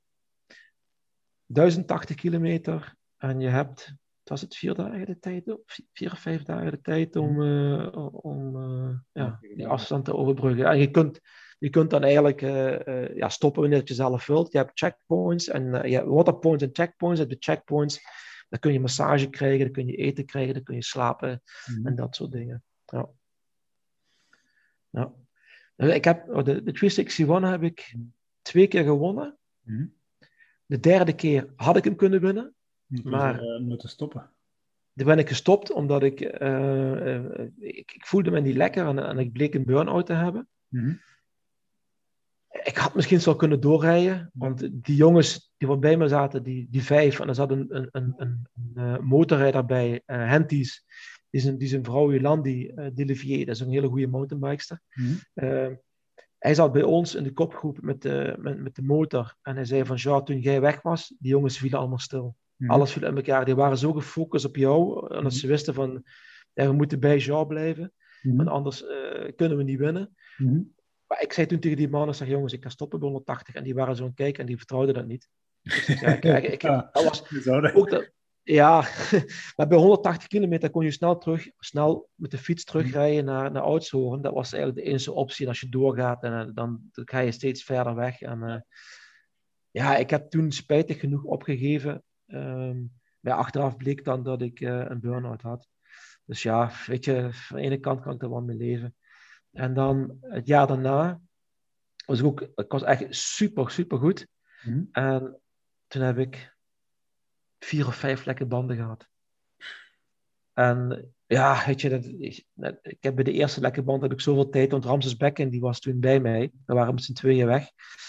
En die heeft er nog wel even zo wat ingehouden. Maar ja, goed, die gaat er natuurlijk niet wachten. Want het was ook nog wel heel kort. Het was nog geen 100 kilometer. We hadden misschien ja, 6 of 70 kilometer hadden we net gefietst. En toen had ik mijn eerste lekke band. En dat volgde zich eigenlijk steeds op. En op een gegeven moment had ik geen, geen binnenbanden meer. En uh, toen kwam een, toevallig een auto langs. En die gaf mij dan een binnenband.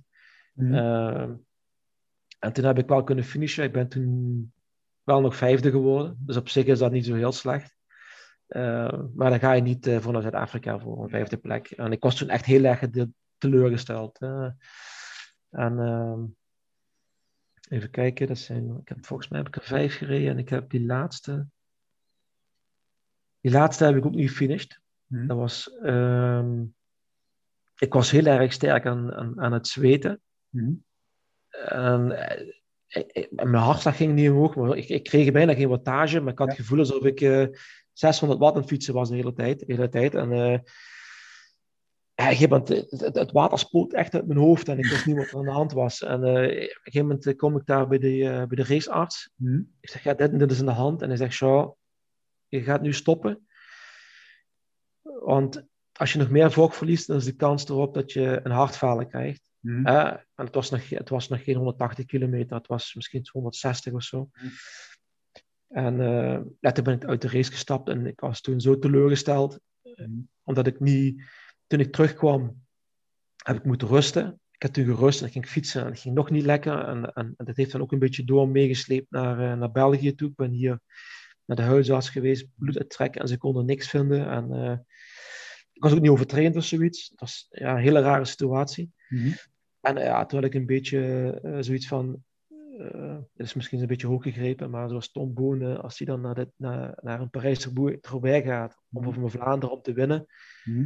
en het lukt steeds niet meer, dat je dan op een gegeven moment gewoon ga je niet meer. Mhm. Eh, weet je, dat, is- dat is het, je gaat dan toe om te winnen en niet om, ja, om deel te nemen. Om uit te rijden En gewoon. de, om uit te rijden gewoon. Terwijl dat ook al een hele prestatie is. Mhm. Pas op, hè. Dus eh, je moet het niet Ja, onderschatten, maar, hè. nee, maar dat is ook maar op een bepaald moment weten van oké, dit is mijn niveau. Dat is mijn. Allee, dit, eh, en, en, en je weet ook, mm, allee, voor jezelf, als je dat een paar keren een eerste fase hebt uitgereden en je doet normaal en er is niks abnormaal, weten dat je dat terug kunt. Ja, ja, absoluut. Dan Ja, de- uitdaging dan op een bepaald moment niet meer. En als je Ja. natuurlijk die wedstrijd gewonnen hebt, ja, ja. Binnen, dat is het beste. Dus uiteindelijk, ja, alles wat dat eronder zit, dat, ja, dat is zo Het, het, minder. ik denk dat er ook... Ja, en, en dat was dan een beetje vanuit Nederlandse kant of Belgische kant of Euro- Euro- Europese kant, zou ik maar zeggen, eh, was dat veel, veel minder. Maar de, maar de druk, zou ik maar zeggen, vanuit Zuid-Afrika, Mhm, die was immens hoog. mhm. Want je hebt dat twee keer gewonnen. Hè? Dat is op televisie geweest daar in Afrika. Dat, is, dat is niet zoals hier, dat, dat, dat een beetje een achtergrond, dat een, een bepaalde mountainbike website, die moet dat dan oppakken. Mhm. En dan heb je daar een, een, een, een klein eh, eh, Artikeltje. ja, art- artikeltje. Nee, in Zuid-Afrika. Dat is op televisie geweest. Dat is, ja, je kunt je niet voorstellen op hoeveel, hoeveel zenders, hoeveel kranten, hoeveel magazines. Dat, mountainbiken is daar zo groot zoals hier eigenlijk op de weg koersen bij de profs. Ja. Ja, zo groot staat dat daar aangeschreven. Dus die, die, die druk vanuit, vanuit de Zuid-Afrikaanse kant, van de mensen, als je dat twee keer gewonnen hebt, en, en eh, ja, dat, die druk is gewoon immens groot. Die verwachten gewoon heel veel van jou. Dus dat, want Dat je is, ex-winnaar, of je bent Ja. tweevoudig winnaar, of wat dan ook. Ja. Dus Maar dat is, dat een- dat is een, eigenlijk een sportwetmatigheid. Het maakt niet uit welke sport dat je doet. Als je op een bepaald moment iets gewonnen hebt, ja, één, je hebt dat gewonnen, dat blijft ja, je die, leven bij. Maar van zodra je er terug naartoe gaat, gaan mensen verwachten dat je dat terug gaat. ja. En zelf En daarom, Ja. ja, daarom ben ik niet meer geweest. Hè. Ik had daar geen goesting meer in. Ik, ik heb zelfs die laatste twee keer, sorry, de laatste twee keer dat ik daar ben geweest, heb ik, eh heeft, heeft Gus gezegd van, weet je zo, eh, we gaan zorgen voor een, een, een plekje, eh, niet op dat resort waar iedereen is. We gaan apart liggen, zodat je rust hebt. En Mhm. zelfs daar, waar minder volk was, Mhm. als ik aan tafel ging ontbijten, dan kwamen mensen voor foto's te vragen. En, en, en ze kwamen dan met je... Dat is, pas op, hè. Ik, ik, dat is ook heel mooi. Hè. Ja, het, is, natuurlijk. het is niet dat je... Nee, je dat moet, je moet niet keren naar dat je wilt. Het Nee, is wel een klein beetje gestreeld. Hè. tuurlijk, tuurlijk. Hè. Dat, dat sportje, daar heb ik zo lang voor... Daar heb ik alles voor gegeven. Mhm. En dan, en dan dat mensen, die zien gewoon van... Oké, die jongen die heeft een handicap. Die heeft dat en dat bereikt. Waarom kunnen wij dat niet? Want zo denken Zuid-Afrikanen. Ja, dat is waar. En, en eh, hier wordt er heel dikwijls waarschijnlijk vergeten dat, ik- dat, dat ik nog een handicap heb om, om hetgene waar je met mensen die, waar je mee fietst en de prestaties die je, die, die je Mhm. bereikt hebt. Maar die, die mensen daar, die kijken daar echt tegenop en, en die zeggen van ja, maar pas op, eh, ik heb, eh, je hebt, eh, ik bedoel, mensen schrijven me dat dikwijls nog eh, toe, hè, op Facebook en zo, dat, dat, dat ik hun eigenlijk daartoe gebracht heb om, eh om zo'n 361 te doen. En, en dat even, evenementen, dus dat, dat is zo ontploft, zal ik maar zeggen. Dat is nou echt een heel groot evenement. En ik, ik, daar heb ik ook een steentje aan bijgedragen, aan, aan, aan dat succes. En, eh, maar dat succes, dat werd voor mij ook een beetje de valkuil. Mhm. Dat ik daar niet meer ja, op mijn gemak rondliep. Hè? Dus dat jij constant, ik liep met mijn hoofd omlaag, Mhm. eh, bijvoorbeeld naar de inschrijving, Mhm. om zoveel mogelijk, weinig mogelijk mensen eh, te moeten spreken. Maar ze houden je gewoon aan en dat worden gewoon groepjes. En, en zelfs als je bij een spreken naar huis rijdt en je gaat ergens stoppen en op die, op die route, de route 60, 62 is dat volgens mij, de route 66, route 62 volgens mij is dat hè? Die wat van, Route die wat van 66 oud- States, hè? Maar dat kan ja, ja, route, ja, maar die, die Nee, Wacht, maar- hè, Allee, google het eens, kom. Maar Ja, ik ga. Ik, Route, Route 62 heet die volgens mij. Ja, Route 62 in, in Zuid-Afrika. Dat is, eh, die gaat van Oudshoorn gaat hij naar Kaapstad. Dat is een, dat is een oude weg. Eh, je hebt de snelweg, de, de Garden Route onderdoor. Maar de, de, die Route 62, dat is schitterend. Dat gaat Mhm. gewoon. eh, ja, door van die kleine uh, dorpjes en zo. En dan heb je nog Ronnie's uh, Sex Shop en zo. Dus dan, dan, kun je, dan kun je stoppen. Er hangen allemaal BH's en onderbroeken aan, aan het plafond. Iedereen heeft daar zijn naam opgeschreven. Dat is echt een vunzige plek. Maar dan kun je dan een colaatje drinken. En, uh, dat is echt wel... Echt iedereen die wat, wat die route heeft gedaan, die kent Ronnie's Sex Shop. En, uh, maar ook op de weg terug, en dan stop je en dan komen mensen die stoppen. Uh, en dan komen ze met je babbelen en dan komen ze over de wedstrijd praten. En, uh, dus ja, dat heeft mij eigenlijk toegebracht dat ik uh, ja, eigenlijk daarna niet meer ben gegaan. Ja. Omdat voor mij die druk gewoon veel te hoog lag. Ik, zat, ik, ik, ik, ik, verwacht al zoveel van mezelf. En dat kwam er eigenlijk nog eens bij. En dat was mij, op een gegeven moment was me dat gewoon te veel. Dat is, ik, ik zou, ik zou, dat is gek, hè? Alleen gek in de zin van, bij wijze van spreken, als je dan het vliegtuig pakt en je landt hier, ja, uw vrouw en uw vriendin zullen nu komen oppikken waarschijnlijk. Ja, ja. En ja.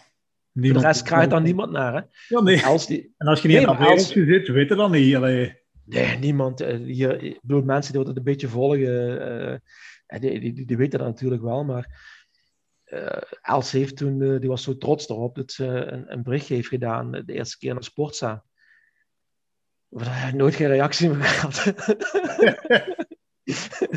terwijl, terwijl ik dan beelden kreeg vanuit Zuid-Afrika, van die grote sportzender, dat daar beelden op waren te zien van mij, van de wedstrijd, met een interview en, en die staan ook op YouTube. Maar dat, dat, ja, dat, dat, dat kan dan daar wel wel. En dat, was, dat, is, dat is gewoon schitterend.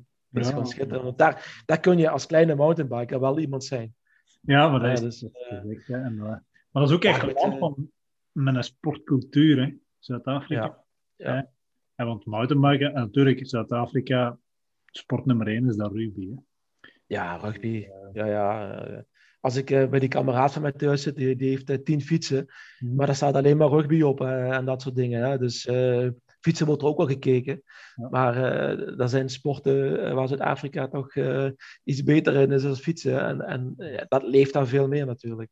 dat, ja, dat is echt zot, ja. Ik weet nog in de Cape, toen ik die reed, um, op een bepaald moment, s'avonds zijn er dan in de tent eten en dan interviews. En dan staat er dan nu een keer zo'n beer op het podium. Echt een mens, pff, grandioos. En dan hoorde die een interviewer zeggen, dat bleek dan een of andere superbekende ex-rugbier te zijn, die dan nog wereldkampioen is geworden met Zuid-Afrika. En dan, die mens weegt dan op dat moment, Cape Epic fietser, nog 110 kilo. En dan zegt ja. hij, Oi, je hebt speciaal voor een Cape Epic ben je 30 kilo afgevallen. Vertel er eens meer over. Ja.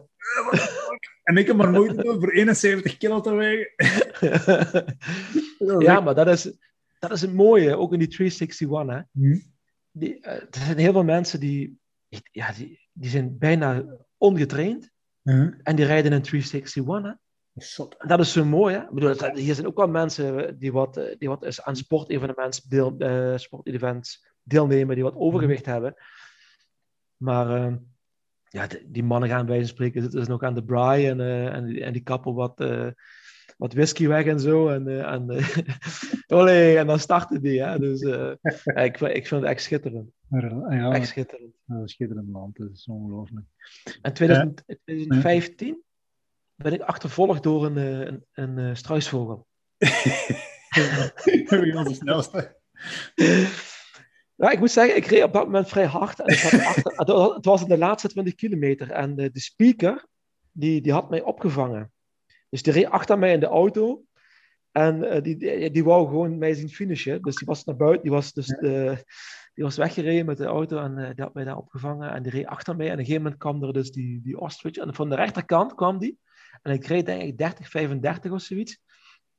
En die begon te rennen. Ja, die haalde ook al 50 of zoiets, denk ik zo. Dus ja, die, reed ook, die, die liep, aan, die liep aan, aan de rechterkant, liep hij zo 35, 40 in één keer zo. Dus ik keek naar de auto zo van, wat moet ik doen? En die was aan het lachen, want die had het, de avond ervoor had hij grappen gemaakt over struisvogels.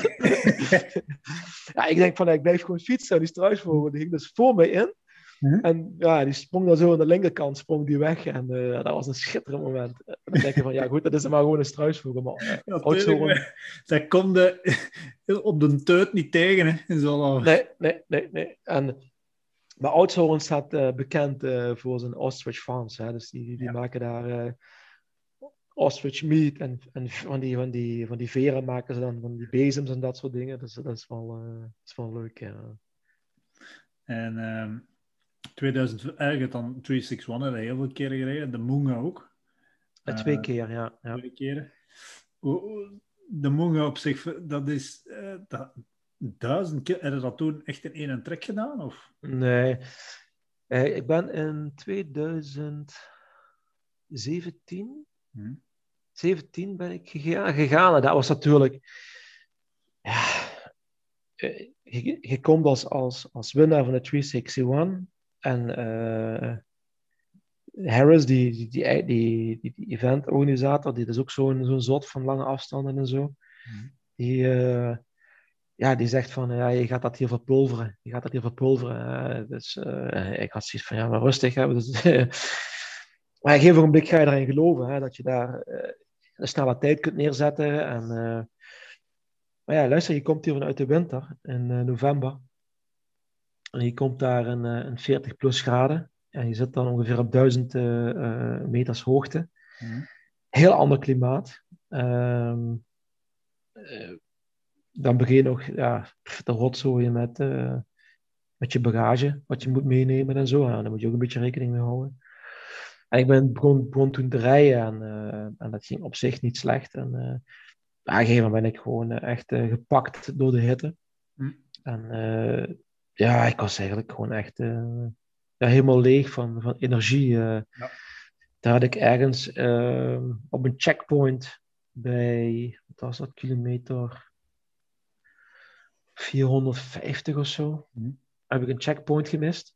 En toen ben ik echt een hele amputante uh, Jeep track roads noemen ze dat. Hè? Dat zijn die corrugations. Hè? Dat, is, dat is een beetje de, de Jeep roads. Dat zijn zo die brede... Die brede, die brede banen zijn dat. Maar als je dat ziet zo op een foto, denk je van, oh, dat kunnen ze goed doorvlaan. Forget it. Hè? Dat is echt... Uh, dat loopt echt van geen meter. Hè? En ik ben die afgereden, dat liep dan bergen af. En op een gegeven moment dacht ik van, dit kan niet. En uh, ik, ik moet ergens iets gemist hebben. En op een gegeven moment, uh, ja, dan rij je door. Maar ja, je zit echt in, in, in the middle of nowhere. Op een gegeven moment zie je dan uh, een, een, een, brievenbus staan. En dan, ja, zo drie kilometer verder in, dan zie je in één keer zo'n huis. Ik ben dat pad, ben dat pad afgereden. En ja, die mensen die verstaan dan ook wel Vlaams. Hè? Dus als je met die praat, en ik, ik heb wel wat Zuid-Afrikaans zo'n beetje, beetje geleerd, dus ik kon me wel verstaanbaar maken. Hè? En uh, ja, die, die, die vrouw uh, zei van, ja, ik kan je wel een boterham met jam maken, zei ze. Ik zei, oh, dat is wel lekker. ik zat daar bij zo'n farmer binnen, uh, in the middle of nowhere, en uh, lekker een, een broodje met jam te eten, en een cola kreeg ik, en ik had nog water gekregen je verwacht op dat moment geen mountainbiker die... Nee, helemaal niet, helemaal niet. Want ik heb hem moeten uitleggen wat er aan de hand was. Wat, er, wat een event. En oh, vond het wel, vond het wel leuk. Dus ik ben dan weer vertrokken en ik ben een paar kilometer doorgereden. En ik had echt geen zin om terug te rijden. Want, ja. En op een gegeven moment zie ik zo kinderen langs de kant staan. En die kinderen zeiden van, ja, kom hier. En dat was ook zo'n soort van waterpoint. En uh, die hadden een zwembad, daar kon je zwemmen. En uh, ja, op een gegeven moment ben ik daar ja, ja, ik ben daar gaan zitten. Een andere film. Zo. Ja, ja dat is het. Dat, De dolle avonturen beginnen. Ja, ja, ja, je zit echt in de middle of nowhere. Je bent helemaal alleen. En op een gegeven moment staat er een huis met een zwembad. En dat was grondwater, hè? dus dat was echt ijskoud water, maar dat was zo fantastisch. En die, je had een aantal kinderen, je had katten. En, en je moet je voorstellen, dat zijn onbekende mensen. Ja. Er komt een onbekend iemand uit Nederland, uit België, Nederland op een fiets. Maar natuurlijk, er gaan we wel meerdere fietsers langs, want dat, was een beetje speciaal voor hen. Hè? Dat was voor hun het event van het jaar. Hè? En die zeiden van, ja, kom je zitten en je krijgt koffie en, en, en wat moet je hebben? En, zo zijn die de hele tijd bezig. En dat, je moet eigenlijk gewoon gaan zitten en naar binnen schuiven. uh, dat is echt fantastisch. Ik ga denken, maar ik moet terug op dat... ja, en ik zeg tegen die... En zij zeggen tegen mij, ja, maar je bent er voorbij gereden. Het checkpoint is terug 40 of 50 kilometer terug. Ik zeg, ja, maar ik ga niet terugrijden. Ja, ik ga niet terugrijden. En toen zeiden ze tegen mij, we gaan bellen. En toen zeiden ze, ik willen te bellen. En toen zei de raceorganisator, je krijgt een uur of een anderhalf uur penalty. Dus bovenop je tijd. Dat is dus mijn gefietste tijd was, wij zijn spreken, uh, op dat moment uh, eh, 27 uur of zoiets. En dat was dan in één keer was dat dan 28 uur. Mm 50 of 30 of weet ik wat. Mm dus ik had een penalty tijd gekregen. Ik zeg, ja, dat weet je, dat is met die penalty tijd nog. ik, ik zeg, ja, ik ga daarna, ik, ik krijg wel door en ik ben dan doorgereden. Maar mm. een gegeven moment kom ik dan bij het volgende checkpoint en dat was een, een, een heel gezellig huis. Ik kwam daar s'avonds kwam ik daar aan, dat was een familie. Die had een huis opengesteld. Het hele huis lag vol met matrassen. Zo moet je gewoon voorstellen, die hadden een super grote living. Alles langs de kant geschoven. En daar stonden dan zo... Uh, lagen overal matrassen. En uh, op een gegeven moment zegt die vrouw tegen mij zo van... Uh, ja, ik, zeg, ik voel me zo ellendig. En zegt ze, ik heb, als je wilt, kan je een bad, hè? Ik zeg, wat? Een badkuip? ik ben verslaafd aan een bad gaan, hè? en die vrouw zegt, ja, kom maar mee, zegt ze zo, hè? Dus ik mee. Dat was een heel groot, heel, heel groot uh, bad. Mm. En die liet dat bad vollopen. En ik ben daar lekker in bad gaan liggen, een warm bad. Heerlijk. En uh, ja, op een gegeven moment zei ik dan, ik had een jongen leren kennen. En ik zeg tegen die daarna van, ik zeg, wat ga jij doen? Want die zegt, ik ben kapot, ik ga stoppen. Mm. Ik zeg, weet je wat, dan rijden we morgen vroeg samen verder naar het volgende punt. En dan gaan we dan kijken of we eventueel kunnen uitstappen daar. En, en voor, ja, dat is, dat is geen volgwagen of niks. Hè. Dus, uh, en ik werd wakker en die jongen was weg. Dus die voelde zich in één keer terug goed en die was begonnen op de fietsen. dus die was weg. oh, ja, ja, precies. Ja. En uh, ja, op een gegeven moment uh, was er iemand anders die zei van... ja, ik ga, ik ga ook stoppen, maar we moeten naar de volgende plek, zei hij zo. Want vanaf daar kunnen we misschien een auto organiseren. En er waren eigenlijk toen twee lotgenoten. Hè? Dus, en dat was toevallig iemand uit Kaapstad. Mm. En we zijn samen, zijn wij, ja, op ons gemak zijn wij naar, naar de volgende plek gereden. En we komen op die plek aan en uh, we hebben daar even weer gegeten, uh, wat geslapen. En op moment, ja, op die plek waren toevallig nog, nog twee anderen die wat ook gingen stoppen. En die kwamen ook toevallig uit Kaapstad. en die zei, die ene zei van, ja, ik heb al een busje geregeld. Dus als je wilt, kun je meerijden. En ja, je, als je dat dan hoort en, en je voelt je niet goed, uh, dan, dan ben je ook heel snel geneigd om te zeggen van ja, ik, ik, ik, ik, ja, ik gooi met de pet daarna. Ik, heb de, ik had iets meer dan 600 kilometer gefietst en uh, ik wist dat ja, het gaat nog heel ver zijn. En, uh, ja, dat is net zo bij de helft. ja, precies. En ja, dan zit je, dan zit je in dat busje, dan rij je naar huis en dan denk je van ja, goh, had ik maar doorgereden, weet je. Maar het, het, ging gewoon echt niet meer. Ik had echt zadelpijn. Um, en ik had dat ook gepost op, op Instagram. En ik kreeg toen een bericht van Brooks van broekzadels. En die stuurde mij van, uh, wil je niet onze zadels proberen? En uh, dan had ik weer een, had ik een, nieuwe, had ik een nieuwe sponsor met, met uh, broekzadels. Dus nou ja, en dan ga je naar huis en dan was je een beetje, een beetje teleurgesteld. En een jaar daarna, toen is Ramses Bekking is toen geweest en die heeft toen gewonnen. Mhm. die heeft ook een heel snelle tijd neergezet. Mm Maar meestal staat de wind dus tegen. Ja, dus als je van Bloemfontein, dan heb je 1080 kilometer. Wind tegen. Wind tegen, ja, ja, wind tegen. Plus met, met, met die slecht lopende uh, wegen. Ja, soms dan, dan, dan, dan denk je van, waar ben je mee bezig?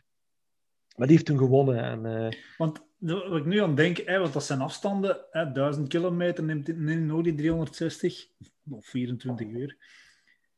Ja, ik heb toen gewonnen in 14 uur. Hè? Of een 14 uur. Ja. Allee, allee, ik heb ook wel wat lange afstanden gedaan, maar dat, dat is nog niet met die, met die grootorde. je kunt wel zeggen, dat soort cliché, dan, waarom denkt je aan niet veel, of aan de pijn of wat dan ook. Maar op een bepaald moment zit het toch gewoon weg. Je hebt toch echt flarden dat je niet meer weet. Of, snap je wat ik wil zeggen? Je zit toch op een bepaald moment gewoon weg. Dat, is dat, je alleen nog maar aan trappen en aan... Ja, ja, klopt. Ik, ik, ben dan, het jaar daarna ben ik niet teruggegaan. Toen had ik zoiets van, ja, weet je, uh, is met, ik had zoiets van, ja, ik, ik ga niet terug. Ik ben dat jaar, uh, heb ik andere dingen gedaan. Mm. Um, en, maar toen begon het wel weer te kriebelen. En, en toen heb ik, dus van die kameraad van mij zei van, ja, ik heb een, een kerstcadeau voor jou. en ik zei, wat heb je voor kerstcadeau dan? ja, wacht nou maar even. En daarna ging ik dan, ja, heb je ingeschreven voor de Munga. en toen had ik dus, uh, ja, dat was een leuk kerstcadeau. En ik had meteen ook weer een, eh, een, een doel. En ik ben dan vorig jaar teruggegaan naar de 361. Natuurlijk had je al wat ervaring van, van de eerste keer. En, en, en, en, je probeert dan ook, ook gewoon beter te doen. Mm -hmm. En ik was ook van, ja, het gaat wil warm zijn. Het was de warmste Munga ever. Het was uh, dus in de zon gemeten, 55 graden Celsius. We hebben, uh, ja, we hebben temperaturen gehad van 47 graden. Ik zat op de fiets in de eerste, in de eerste 200 kilometer. Die rijden dus eigenlijk in het daglicht. Um, dat ik zoiets had van, ja, ik, ik moet dadelijk stokjes tussen mijn, uh, mijn, mijn, ogen gaan steken. Om gewoon mijn ogen open te houden. Zo moe was ik. Gewoon, gewoon van de hitte. En dan, ja, je moet voor water, zijn we moeten stoppen. En dan zie je, dan komen we dan bij zo'n een familie die woonde dan in de Bush Bush. Daar staat mhm. amper Bush Bush, maar er staat gewoon een, een, een huisje. Mm -hmm. 100 kinderen. En dan één waterpompje. En mhm. daaruit hebben we dan uh, grondwater gepompt voor onze bidons en camelback te vullen. En, en, en bijvoorbeeld van die, als je zo'n zo'n kleine windmolen ziet, meestal zijn er ook van die waterbronnen. en daar kun je dan uh, nog extra water pakken, want dat hadden we echt nodig, anders hadden we het niet gered. En, uh, en, en, en, ik kom bij het eerste checkpoint aan, het was s'avonds en, en, en s'avonds koelde het wat af. En uh, ja, met een motor die sprong aan en ik, ik reed echt super hard uh, richting uh, het tweede checkpoint. En dan heb ik een, een, fout gemaakt. Ik heb daar een beetje tactisch, ben ik daar negen uur verbleven. Hmm. Ik ben toen daar, want het was zo, zo warm. Ik had een, een kamer gekregen om te slapen, om te douchen, om wat te eten en zo. En ik had echt zoiets van, ja, Jean, weet je, je gaat die fout niet meer maken. Hmm. Blijf gewoon iets langer tot de zon ondergaat. En ik ben dan eigenlijk ja, rond een uur of drie of zo ben ik vertrokken. Mm -hmm. En toen kwam er een zandstorm opgezet. ja, je wordt echt gezandstraald. Het was wind tegen. En, en, en, en, en wat heeft? Je ziet het nog. Ja, ja, je zag niks meer. Hè. Je zag alleen maar, alleen, ja, het was eigenlijk alleen maar zand. Hè. Alleen maar zand in je gezicht. En, en je bent aan het duwen. En, en, en op een gegeven moment zag ik een lichtje en ik dacht van, ah ja, dat is dat huis waar ik moet zijn. Hè? Maar dat lichtje, dat brandt natuurlijk, maar dat is gewoon nog kilometers ver. Hè? Omdat het enige huis is in the middle of nowhere. Hè? En ja, zo heb ik me eigenlijk een beetje er doorheen geworsteld. En toen kwam ik op eigenlijk het punt waar ik ben uitgestapt in uh, eh, 2017. Mhm. Ik zeg, nou oké, okay, hier ben ik al en ik voel me al een pak beter. En uh, ondertussen was ik met uh, twee andere jongens samengekomen. Want ja, weet je, je mag niet steren. Mm maar je, zit dan over, je zit dan ongeveer op 600 kilometer en uh, ja, daar valt niet meer veel te steren. Weet je. je rijdt gewoon samen en, en soms is de ene wat sterker dan de andere. Je rijdt een keer naast elkaar en, en je kunt een beetje babbelen met elkaar. Toen kwamen we bij een, uh, een schapenboer en hadden ze containers neergezet. En we kwamen daartoe en, en, die, die, die, schapenboer, ja, die begon ook eten te geven en hele verhalen te vertellen. Want dat is, dat is ja, elke, elke renner wat daar voorbij komt, heeft een verhaal, hè, wat hij heeft meegemaakt. Hè. Dat is... En op een gegeven moment zei hij van, ja, jullie kunnen daar even gaan slapen, want het wordt ook stikheet. En ik weet niet, ik, ik heb mijn kleren gewassen tijdens het douchen. Mm Ik heb die buiten opgehangen, mijn kleren. Mm En na vijf minuten ben ik terug naar mijn kleren gelopen, want het was zo hard aan waaien van te kijken van of ze er nog gingen. Hmm. Maar zelfs mijn zeem was na vijf minuten droog. Die was droog. Mijn zeem was droog na vijf minuten. Hè. Het was zo warm en er stond zoveel wind. En we hadden zo'n, uh, die Zuid-Afrikaan, een van de jongens, die had een, een app en heette uh, Windy App. Hmm. En dan kun je de, uh, de windsnelheden zien. Mm met, met prediction, met, met voorspelling naar voren. En, en mm ze zeiden van ja, we moeten zeker nog twee uur wachten. En anders met die wind, ja, dat, komen we niet vooruit. En uh, daar hebben we daar een beetje op ingespeeld. En toen zijn we weer vertrokken. En een gegeven ogenblik uh, komen wij ergens toe. Um, en, en, ja, dat was ook al, ik ging ook even een uurtje of twee slapen. Mm En uh, dat wat jij dus zei van, net van, ja, wat gebeurt er met je? Mhm. Ik, ik was dus in slaap gevallen. En ik schrok wakker. En ik keek naar boven, ik zag mijn broek hangen. Ik zeg, wat hangt mijn broek daar? En ik wist niet waar ik was. Ik wist niet waar ik was. Omdat je, je rijdt door je vermoeidheid, mm. rij je 10.000 keer doorheen. Hè? Ja. Dus je wordt, uh, je, je, je, wordt ook niet meer, je wordt niet meer moe. Je wordt ook niet echt fitter. Mm. Je blijft zo'n beetje in zo'n, in zo'n state of, ja, ik weet niet waar je bent, maar je bent ergens. Ja, en, en vanaf dat punt was het nog 300 kilometer of zo. En ik dacht van, 300 kilometer, dat is niet zo ver niet, hè? Ik rijd dat soms wel eens op een zondag, hè? Dus, ja, eh, maar ja, dat, dat, dat, maar niet... Maar, Ja, maar niet, niet, op die wegen natuurlijk. Hè. En wij, wij, wij vertrekken daar weer en wij, ja, wij komen op een stuk. eh, dat was iets van 80 kilometer. Mhm. Het waren gewoon drie lijken naast elkaar. Drie lijken naast elkaar. Eh, ik, ik, ik kreeg in mijn trek nog maar eh 50, 60 eh omwentelingen. Kon nog maar trappen. Ik, zo harde tegenwind hadden wij, we kwamen niet vooruit. En die corrugations, iedere keer reed je tegen zo'n drempel op. Oh, verschrikkelijk. Maar het, het, het mooiste was eigenlijk in de laatste 50 kilometer of zo. Toen waren we met z'n vijven. En, dan- en dan weet je gewoon, het is niet meer zo lang. We zijn toen nog één keer gestopt om wat, eh, eh, om wat te eten en zo. En eh, toen hebben we samen dat, dat, dat laatste stuk aangevat. En ik weet nog dat wij reden voor plek 9, 10, nee wacht, 10, 11, 12. Mhm. 13, 14. En ik zei tegen die jongens, ik zeg, jullie kunnen doen en laten wat jullie willen, maar ik word hier wel vandaag dertiende. Dus het was mij niet om die tiende plaats te doen of om, om. Ik zeg, ik wil dertiende worden. En die hadden zoiets van, waarom wil hij nou dertiende worden? maar ja, dat had alles te maken met... eh, met eh, toen had ik had toen eh, s- sponsor van La Machine, dit kledingmerk, dat, die t-shirt en die broeken. En dat was...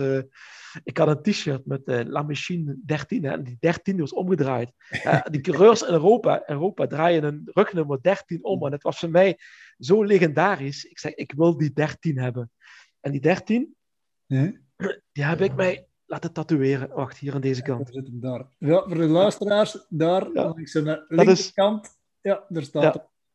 Dat is, dat is, eh, dat is de, je, je krijgt, het enige wat je krijgt bij de Moonga, dat is een fles wijn en een medaille met de plek dat je eindigt. En dat is, zo'n- dat is zo'n metalen medaille.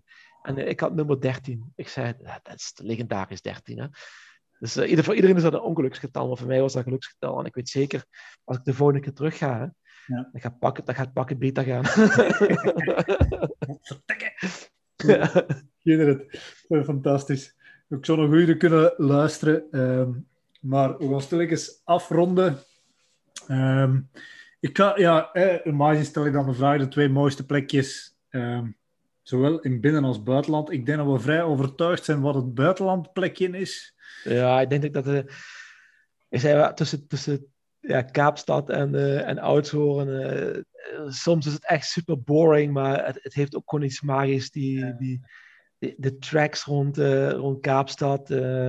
Zelfs die, de, de Buffels Drift en, en, en Zwartbergpas en dat soort dingen. eh, is allemaal loeizwaar, maar is zo, zo, zo mooi. Ja, je zegt dan- ja. soms is het een beetje saai, maar eigenlijk, aan de andere kant, als je met zoiets bezig zet, je, je bent ook met niks anders bezig. Nee, ja, dat. klopt. Dan Ja, het je wilt alleen maar vooruit. Hè? zo- Ja, ja. En je komt, zeker aan de Moonga kom je op plekken, en dat is echt zo, daar komt nooit Hmm. iemand. Dat is een, een- die track is uitgezet over farm roads, eh, daar waar jij normaal niet in mag gaan. Ehm, daar kom je niet met een auto. Natuurlijk over die, over, over die Jeep roads, die grote, dat, daar kun je wel met, met een auto overheen rijden, maar dat doet geen zot. Dat is een toerist, dan vliegt die zijn wielen hè, naar, eh, naar, naar 200 kilometer. Hè. En daar rijden ze met dikke jeeps overheen en zo. Hè. Maar je komt echt op plekken en daarom is die promotie, dat is ook een, een gedeelte van eh, de marketing achter deze wedstrijd, is dat je op plekken komt in Zuid-Afrika waar normaal niemand komt. En dat is het mooiste. Van, eh, ook al is het dat je zegt van ik rij hier 100 kilometer rechtdoor, Mhm. je weet gewoon, er komt normaal geen mountainbiker. En dat is prachtig, dat is prachtig. En dan- Is dat GPS-track of is dat nog afgepeild? Dat is een, nee, dat is GPS. Daar hangen wel ehm Moonga kaartjes, Mhm. links en rechts, en af en toe hangt er zo'n lampje. Mhm. Ah, je, je moet echt de GPS volgen. En ze, je krijgt eh, ook aan je fiets krijg je ook een GPS-tracker. Ja. Ehm, dus als jij niet de GPS-route gevolgd hebt, krijg je of een straftijd of je wordt gedisqualificeerd. hè. dus als jij weet van ik kan hier eventueel niet dat, dat je dat kunt, dus, dus eigenlijk maar altijd rechtdoor. Mhm. hè, min of meer als je, als, je, als je het op de grote kaart beziet. Ehm, maar ja, god, eh, er is misschien ergens wel een mogelijkheid. Dat is, volgens mij is dat toevallig iemand geweest in het verleden, die heeft een verkeerde straat gepakt en Mhm. toen had hij een afkorting. En eh, ja, dan trekken ze je tijd af. Ja. Ja, dus, dus je moet wel de route volgen. Ja, dus GPS. Ja. Is- allee, ja. En als ik dan het binnenland moet kiezen, Maarten, Ja. Dan is het natuurlijk uh, hoe verliezen. Oh, natuurlijk. Geen, ik, kan, ik, kan ik, ik vind de Tour ook heel mooi, maar ik vind de, de wereldbekers dat we daar hebben gereden Ja, en, eh, en alle andere events dat we hebben gereden rond uh, hoe verliezen. Uh, ja, ik bedoel, uh, prachtiger kun je niet hebben. Hè? Ik bedoel, Nee, gaat, ook elke Zuid-Afrikaan gaat daar heel graag uh, mountainbiken. Had hij ooit een BMC gedaan? Ja, de BMC heb ik twee keer gedaan, maar twee keer niet gefinished, omdat die heel kort achter de 361 ligt. Okay. Um, de eerste keer. Weet je, je denkt dat je hersteld bent, maar dat ben je niet. Uh, hoe, dus lang, je hoe, lang daar, hoe lang duurde daarover? Ja, dat is juist, dat is wel een goeie nog. Kom. Ehm, hoe lang duurde daarover? Dat je zegt van oké, nu ben ik echt hersteld en zit ik op een niveau dat je zegt van oké, ja, ik voel me goed. Goh, dat is een beetje afhankelijk. dat is echt een beetje afhankelijk eh, hoe je rust. Ik ben niet iemand die wil heel veel rust. Hè. Dat is het probleem. Hè. Ehm, je, kunt bij spreken eh, twee weken daarna bij heel goed zijn. Ik, weet de BEMC was... Ik weet niet precies hoeveel tijd dat tussenin zat, eerlijk gezegd. Maar ik had gewoon het gevoel dat ik niet echt niet, niet fit was. En de tweede keer ben ik helaas op mijn knie gevallen in een afdaling.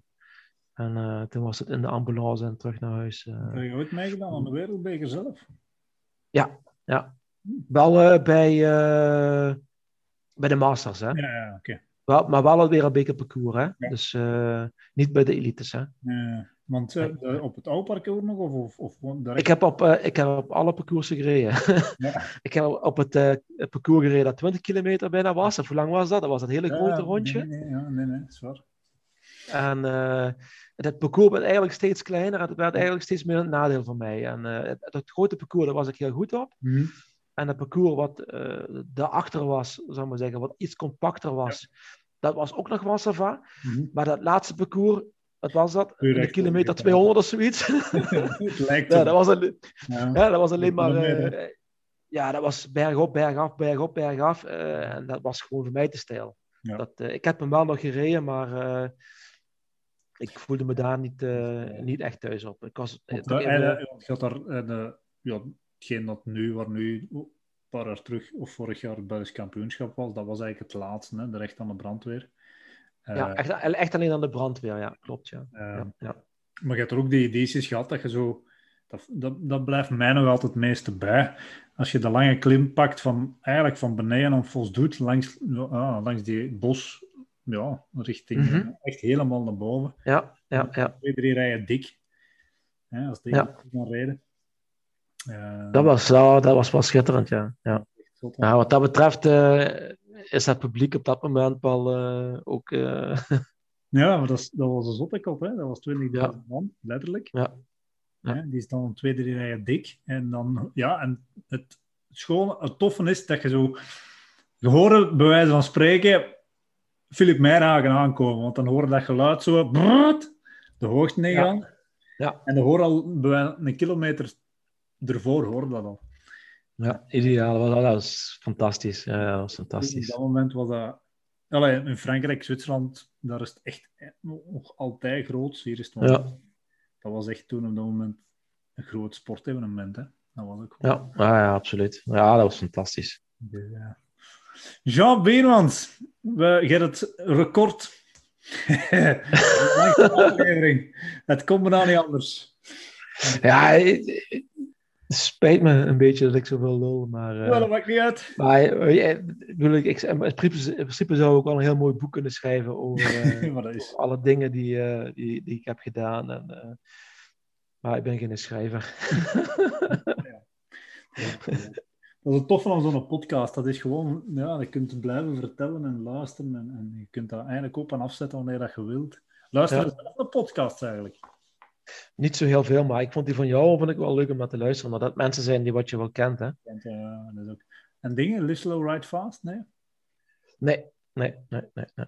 Oké.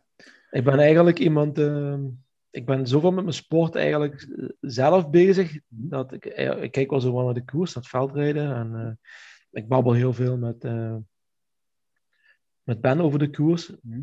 Dat, dat ja, al de rest eigenlijk zo een beetje eh, Oké. vervaagd dan eh, de bijzak is. Ja. Ja.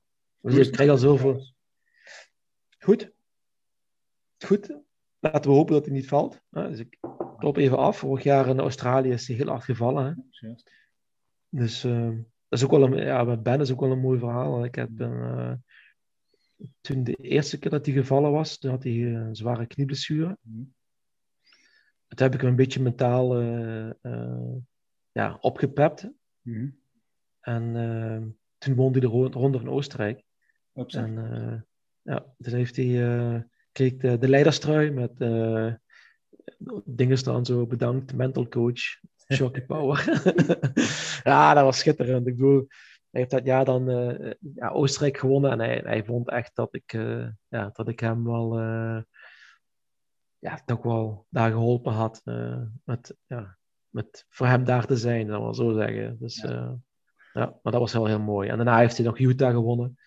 En ja, vorig jaar is hij dan helaas gevallen en dan hebben we samen ook wel eens een revalidatie gedaan. Dus ja, dat was eigenlijk met de, met de corona-lockdown ja, ideaal. Ik zat thuis en ik kon dan smiddags pauze pakken en ik ging dan met hem trainen en dan daarna verder werken. En zodoende heb ik dan vorig jaar bijna 31.000 kilometer gefietst. Dus... Uh... 31.000 kilometer. Dat ja. haalt met een auto zelfs nog niet, denk ik. Nee, er zijn, er zijn weinig profs die dat vorig jaar gehaald hebben. Ja, uiteindelijk, ja. je fietst wel regelmatig samen. Hè. Ben Hermans is nu een voorbeeld, maar toch in de afgelopen jaren hadden we toch altijd wel een bende profs ja. samen fietsen. Ja, ja. heel veel met, uh, met Tom Boon heel veel gemountainbiked. Uh, Kevin Hulsmans. Uh, de gebroeders Jelle en... Uh, Nee, wel is nee, Dennis. Ja, ja, uh, van Endert. Van Endert, ja. Uh, Leon van Bondan. heel, heel veel met, uh, met Bar Brentjes. Ja. Getraind. wedstrijden gereden. Dus dat was ook wel een hele leuke tijd. Mm -hmm. ja. Je bent nog tweede geweest op het Nederlands kampioenschap, marathon? Ja, tweede, tweede, tweede Nederlands kampioenschap, dat klopt. En in 2018 heb ik Bart Brentjes voor de eerste keer geklopt op de Bart Brentjes Challenge. Oeh. Ja. dat was wel een mooi moment. Uh, ja, dat, is, uh, dat zal en, niet graag hebben. Ja, nee, dat klopt. Maar ja, goed, dat, kan, dat, kan, dat kan ook gebeuren. Hè. Dus, uh, natuurlijk, de, de Bar Brandjes Challenge. Hmm. ik zeg dan wel hoe verliezen, hmm. maar de Bar Brandjes Challenge is mijn achtertuin. En, en, en voordat wij de Bar Brandjes Challenge zelf gingen fietsen, de wedstrijd, dan had ik met Bart op training op tien keer de Brandjes Challenge gereden van mhm. tevoren. Mm Voordat we eigenlijk echt aan de wedstrijd begonnen. dus we hadden al tien keer gekoerst. en dan kwam pas de wedstrijd. Dus dat was wel, uh, ja, dat is ook wel heel mooi. Heel ja, Zuid-Limburg in Nederland is echt wel een schoon, schoon streek. Ja, weet je, je hebt natuurlijk, maar daar beginnen ze nu en daar ook wel mee, hè, met de natuur. Uh, uh, hoe zeg je dat, natuurmannen die wat uh, bepaalde plekken allemaal beginnen af te sluiten, dat je niet meer mag mountainbiken. Natuurlijk is dat heel beperkt, als je de fietsroute volgt, uh, is allemaal niks aan de hand. Maar het is, het is wel een heel mooi gebied om te mountainbiken, zeer zeker. Ja. Goed. Jean, we gaan afsluiten. Ja, jong. Als voor die podcast, dat wordt een boek. nee, nee. Voor uh, de luisteraars, jullie hebben ondertussen wel gevonden waar de podcast te vinden is. Uh, Spotify, ik zou zeggen, deel gerust deze aflevering. Ik denk dat we dik tegen een uur en drie kwartier zitten. Um, dus dat is goed. Je hebt Seppe Odijn verslagen. Dat gaat Seppe niet leuk vinden, dat weet ik nu wel. maar ik heb met Seppe ook nog trouwens gekoerst, hè? In, ja, maar... uh, in de Dirty Boar, hè? Ah ja. Ja, en de, en de Dirty Boar, ja, was ik, was ik toen tweede of... Nee, ik was toen... De eerste keer waren we met z'n drie of met z'n vieren weg. Ik weet het niet meer precies, maar uh, Søren was één. Ik denk dat Zeppe twee was en ik was drie. de uitslag. En dat, was, uh, dat hebben we redelijk gekoerst hoor. Dat, ik had de motorbike bij. Niet aanpakken, hè? Sorry. maar daar heb ik hem leren kennen. Toffe gast een bepaald moment dat ik, eh, die aflevering was geweest, maar de vierde of de vijfde aflevering. En op, ik krijg dan de cijfertjes binnen, hè, zie ik daar hoeveel dat er beluisterd is. Ja. En het, het bleef altijd zo, ja, onder tweede, derde hangen.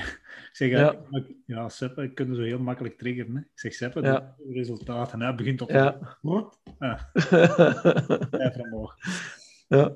Maar wat je ook een hele mooie plek is om te mountainbiken? Zeg eens. IJsland.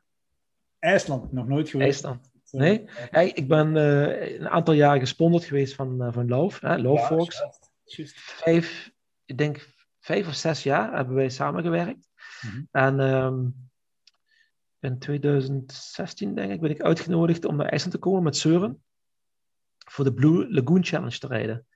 De Blue Lagoon ja, de Blue Lagoon Challenge. Je hebt de Blue Lagoon, zoek maar eens op, hè. Dat, is, dat is de Blue Lagoon. En dan kun je dus, uh, en dat is zo, zo, zo, zo lavawater, hoe noemen ze dat? Hè? Dat, dat, dat, dat super warme. En dat, is, dat heeft dan schijnen uh, een, effect op als je eczeem hebt of zoiets. En, en, uh, maar uh, ja, die, die natuur daar, dat landschap, dat is alsof je op, op Mars aan het fietsen bent. Dat is waanzin. Dat is echt waanzin. Ja, dat is, eigenlijk, mensen die eigenlijk zijn, zijn, die zeggen dat ook. Ja, ja. Maar dat, dat, ja, we hebben daar een aantal dagen gefietst met die mannen van Lauf. Hmm. Dat was insane, insane het landschap. Dat is waanzinnig. Ik bedoel, Zuid-Afrika is super mooi, Hmm. maar Dat is totaal anders, hè. dat is totaal anders, ja. ja, ja, ja. En dan uh, 24 uur daglicht, hè. Dat is wel. Dat is ja, dat is zot, zot, zot. Dat uh, uh, want de tent die hebben ook periode dat 24, een hele periode 24 uur donker is ook, hè. Ja, ja, die hebben ook dat het heel donker is, ja. Maar ik zeg, toen we gingen slapen, ik zat met Søren en uh, hadden ze ons in, in zo'n huis gestoken. Hmm. En die hadden zo van die witte gordijnen. die, ja, dat werd niet donker. En, wij, met handdoeken proberen alles donker te maken. Dat werkt niet. dat werkt niet. Ja, schitterend, jong, schitterend.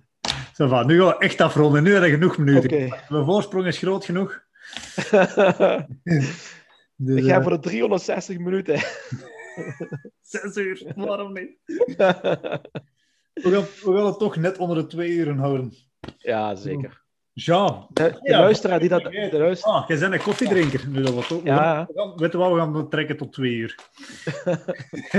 je bent een koffiedrinker. Heb je al gezien? Wacht, daar, zo. Ik heb mijn eigen koffie, wist je dat? Ik, heb, ik, ik zag iets op je, op je Instagram-profiel staan, ja. ja. Deze is nu een downhill, maar ik heb ook de marathon en de, Ah, ja. in de cross-country met een ding. Ja. En onder het Sint-Truiden, dus dat is niet al te ver. Ah, oké. Dus echt eh, drie soorten koffie en een downhill. Ja. Op, een beetje promo maken. Een downhill op zich Ja. is eigenlijk meer gericht om echt een goede espresso te maken. Kort, krachtig. Ja. Eh, cross-country, die zit er zo wat tussen. Kunnen nog een espresso mee maken, is iets minder pittig, maar die is eigenlijk, heb ik nu gemerkt, ideaal een gewone tas koffie en eventueel zo wat eer- cappuccino-achtige dingen.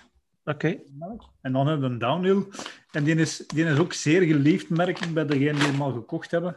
Ah, ja. Eh, de marathon, sorry. De marathon is heel geliefd, omdat... Dat is zo een, daar kun je een thermos mee maken.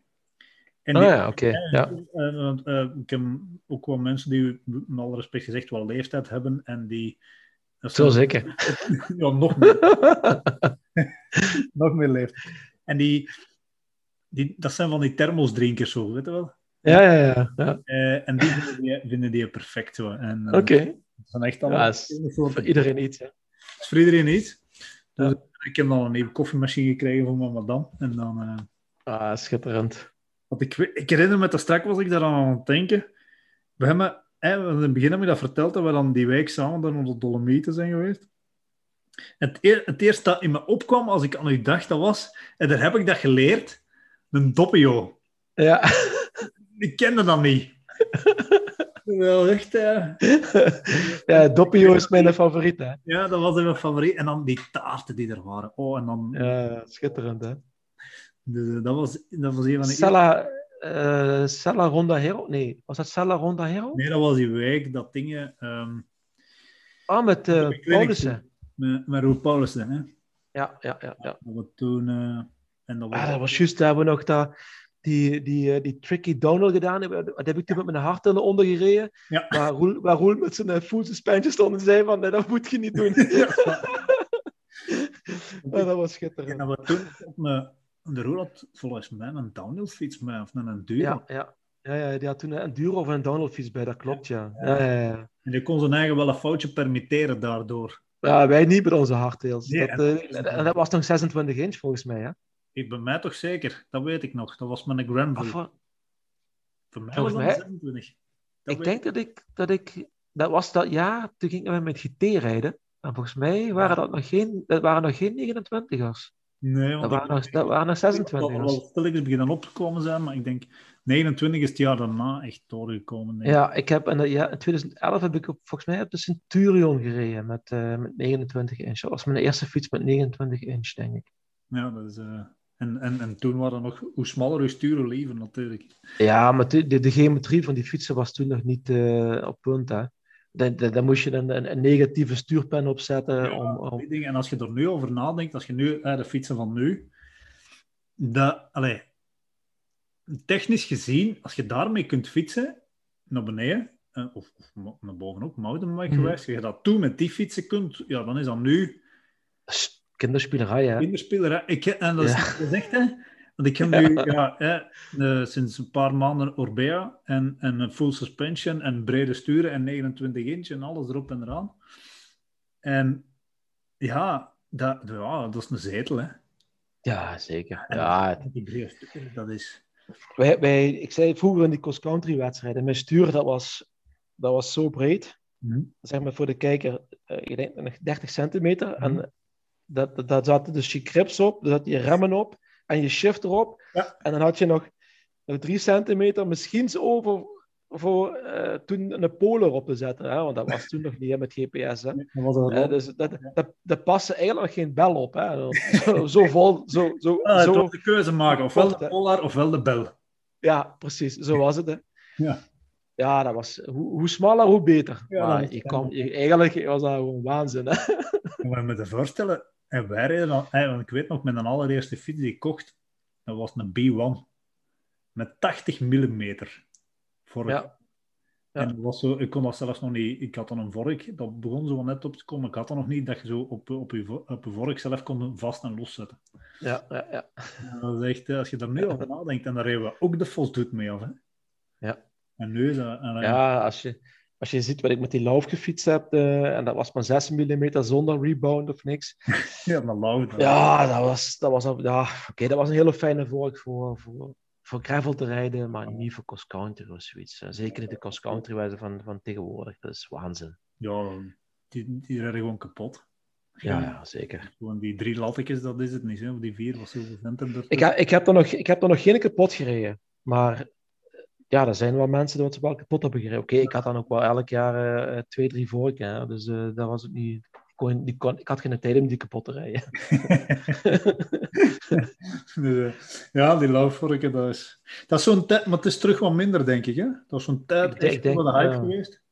Ja. Dus, eh, Maar ja, goed. Ik heb nu een lefty en dat is echt eh, zalig. Zalig. een FT van Cannondale. Ik weet nog Ja. in de tijd als Roel. Eh, Roel Pauws net dan de hele tijd op Cannondale gereden. Ja. Als hem dan net afkwam met eh, de eerste prototypes van, eh, van zijn hardtail, hoe dun... eh, Ja. Hoe dun dat dat allemaal was. Dat was Ja. zot. Ze hebben nog Ik wel... weet, nog, ik weet nog hoe doen we een Stevens was, maar dat was ook, eh, die is ook twee keer gebroken. Ja, maar dat was, te, dat was eigenlijk te dun voor hetgeen wat dat je... Ja, dat was, dat was dat geen blikje cola. Een blikje cola was dikker dan maar zeggen. Ja, het ding was, ze begonnen zich op een bepaald moment te spiegelen aan de weg van oké, hoe ver kunnen we gaan? Ja, ja. Het probleem is dat, dat je dat voor een heel ander... om- Omdat er ook geen reglement op staat. Hè. Met een wegfiets is Ja. dat minimum dan wegen, maar op een mountainbike niet. En dat materiaal is er gewoon niet voor gemaakt. Al heeft toch ja, dat klopt. geen dat je daarvoor vraagt. Dus die fietsen zijn enorm veel verbeterd. Absoluut, absoluut. Goed, zo, nu ga ik even echt afronden. Het is al 10 uur. S'avonds. Ja, jongen. Goed. S'avonds. Ja, voor de luisteraars, s'avonds. Het is nu op het moment dat we het opnemen. Dinsdagavond 2 februari, bijna 10 uur s'avonds. Jean Biermans, dikke merci om, Graag gedaan. om, eh, voor de babbel. Voor de luisteraars bedankt om te luisteren. En tot volgende week. Bye bye. Salut.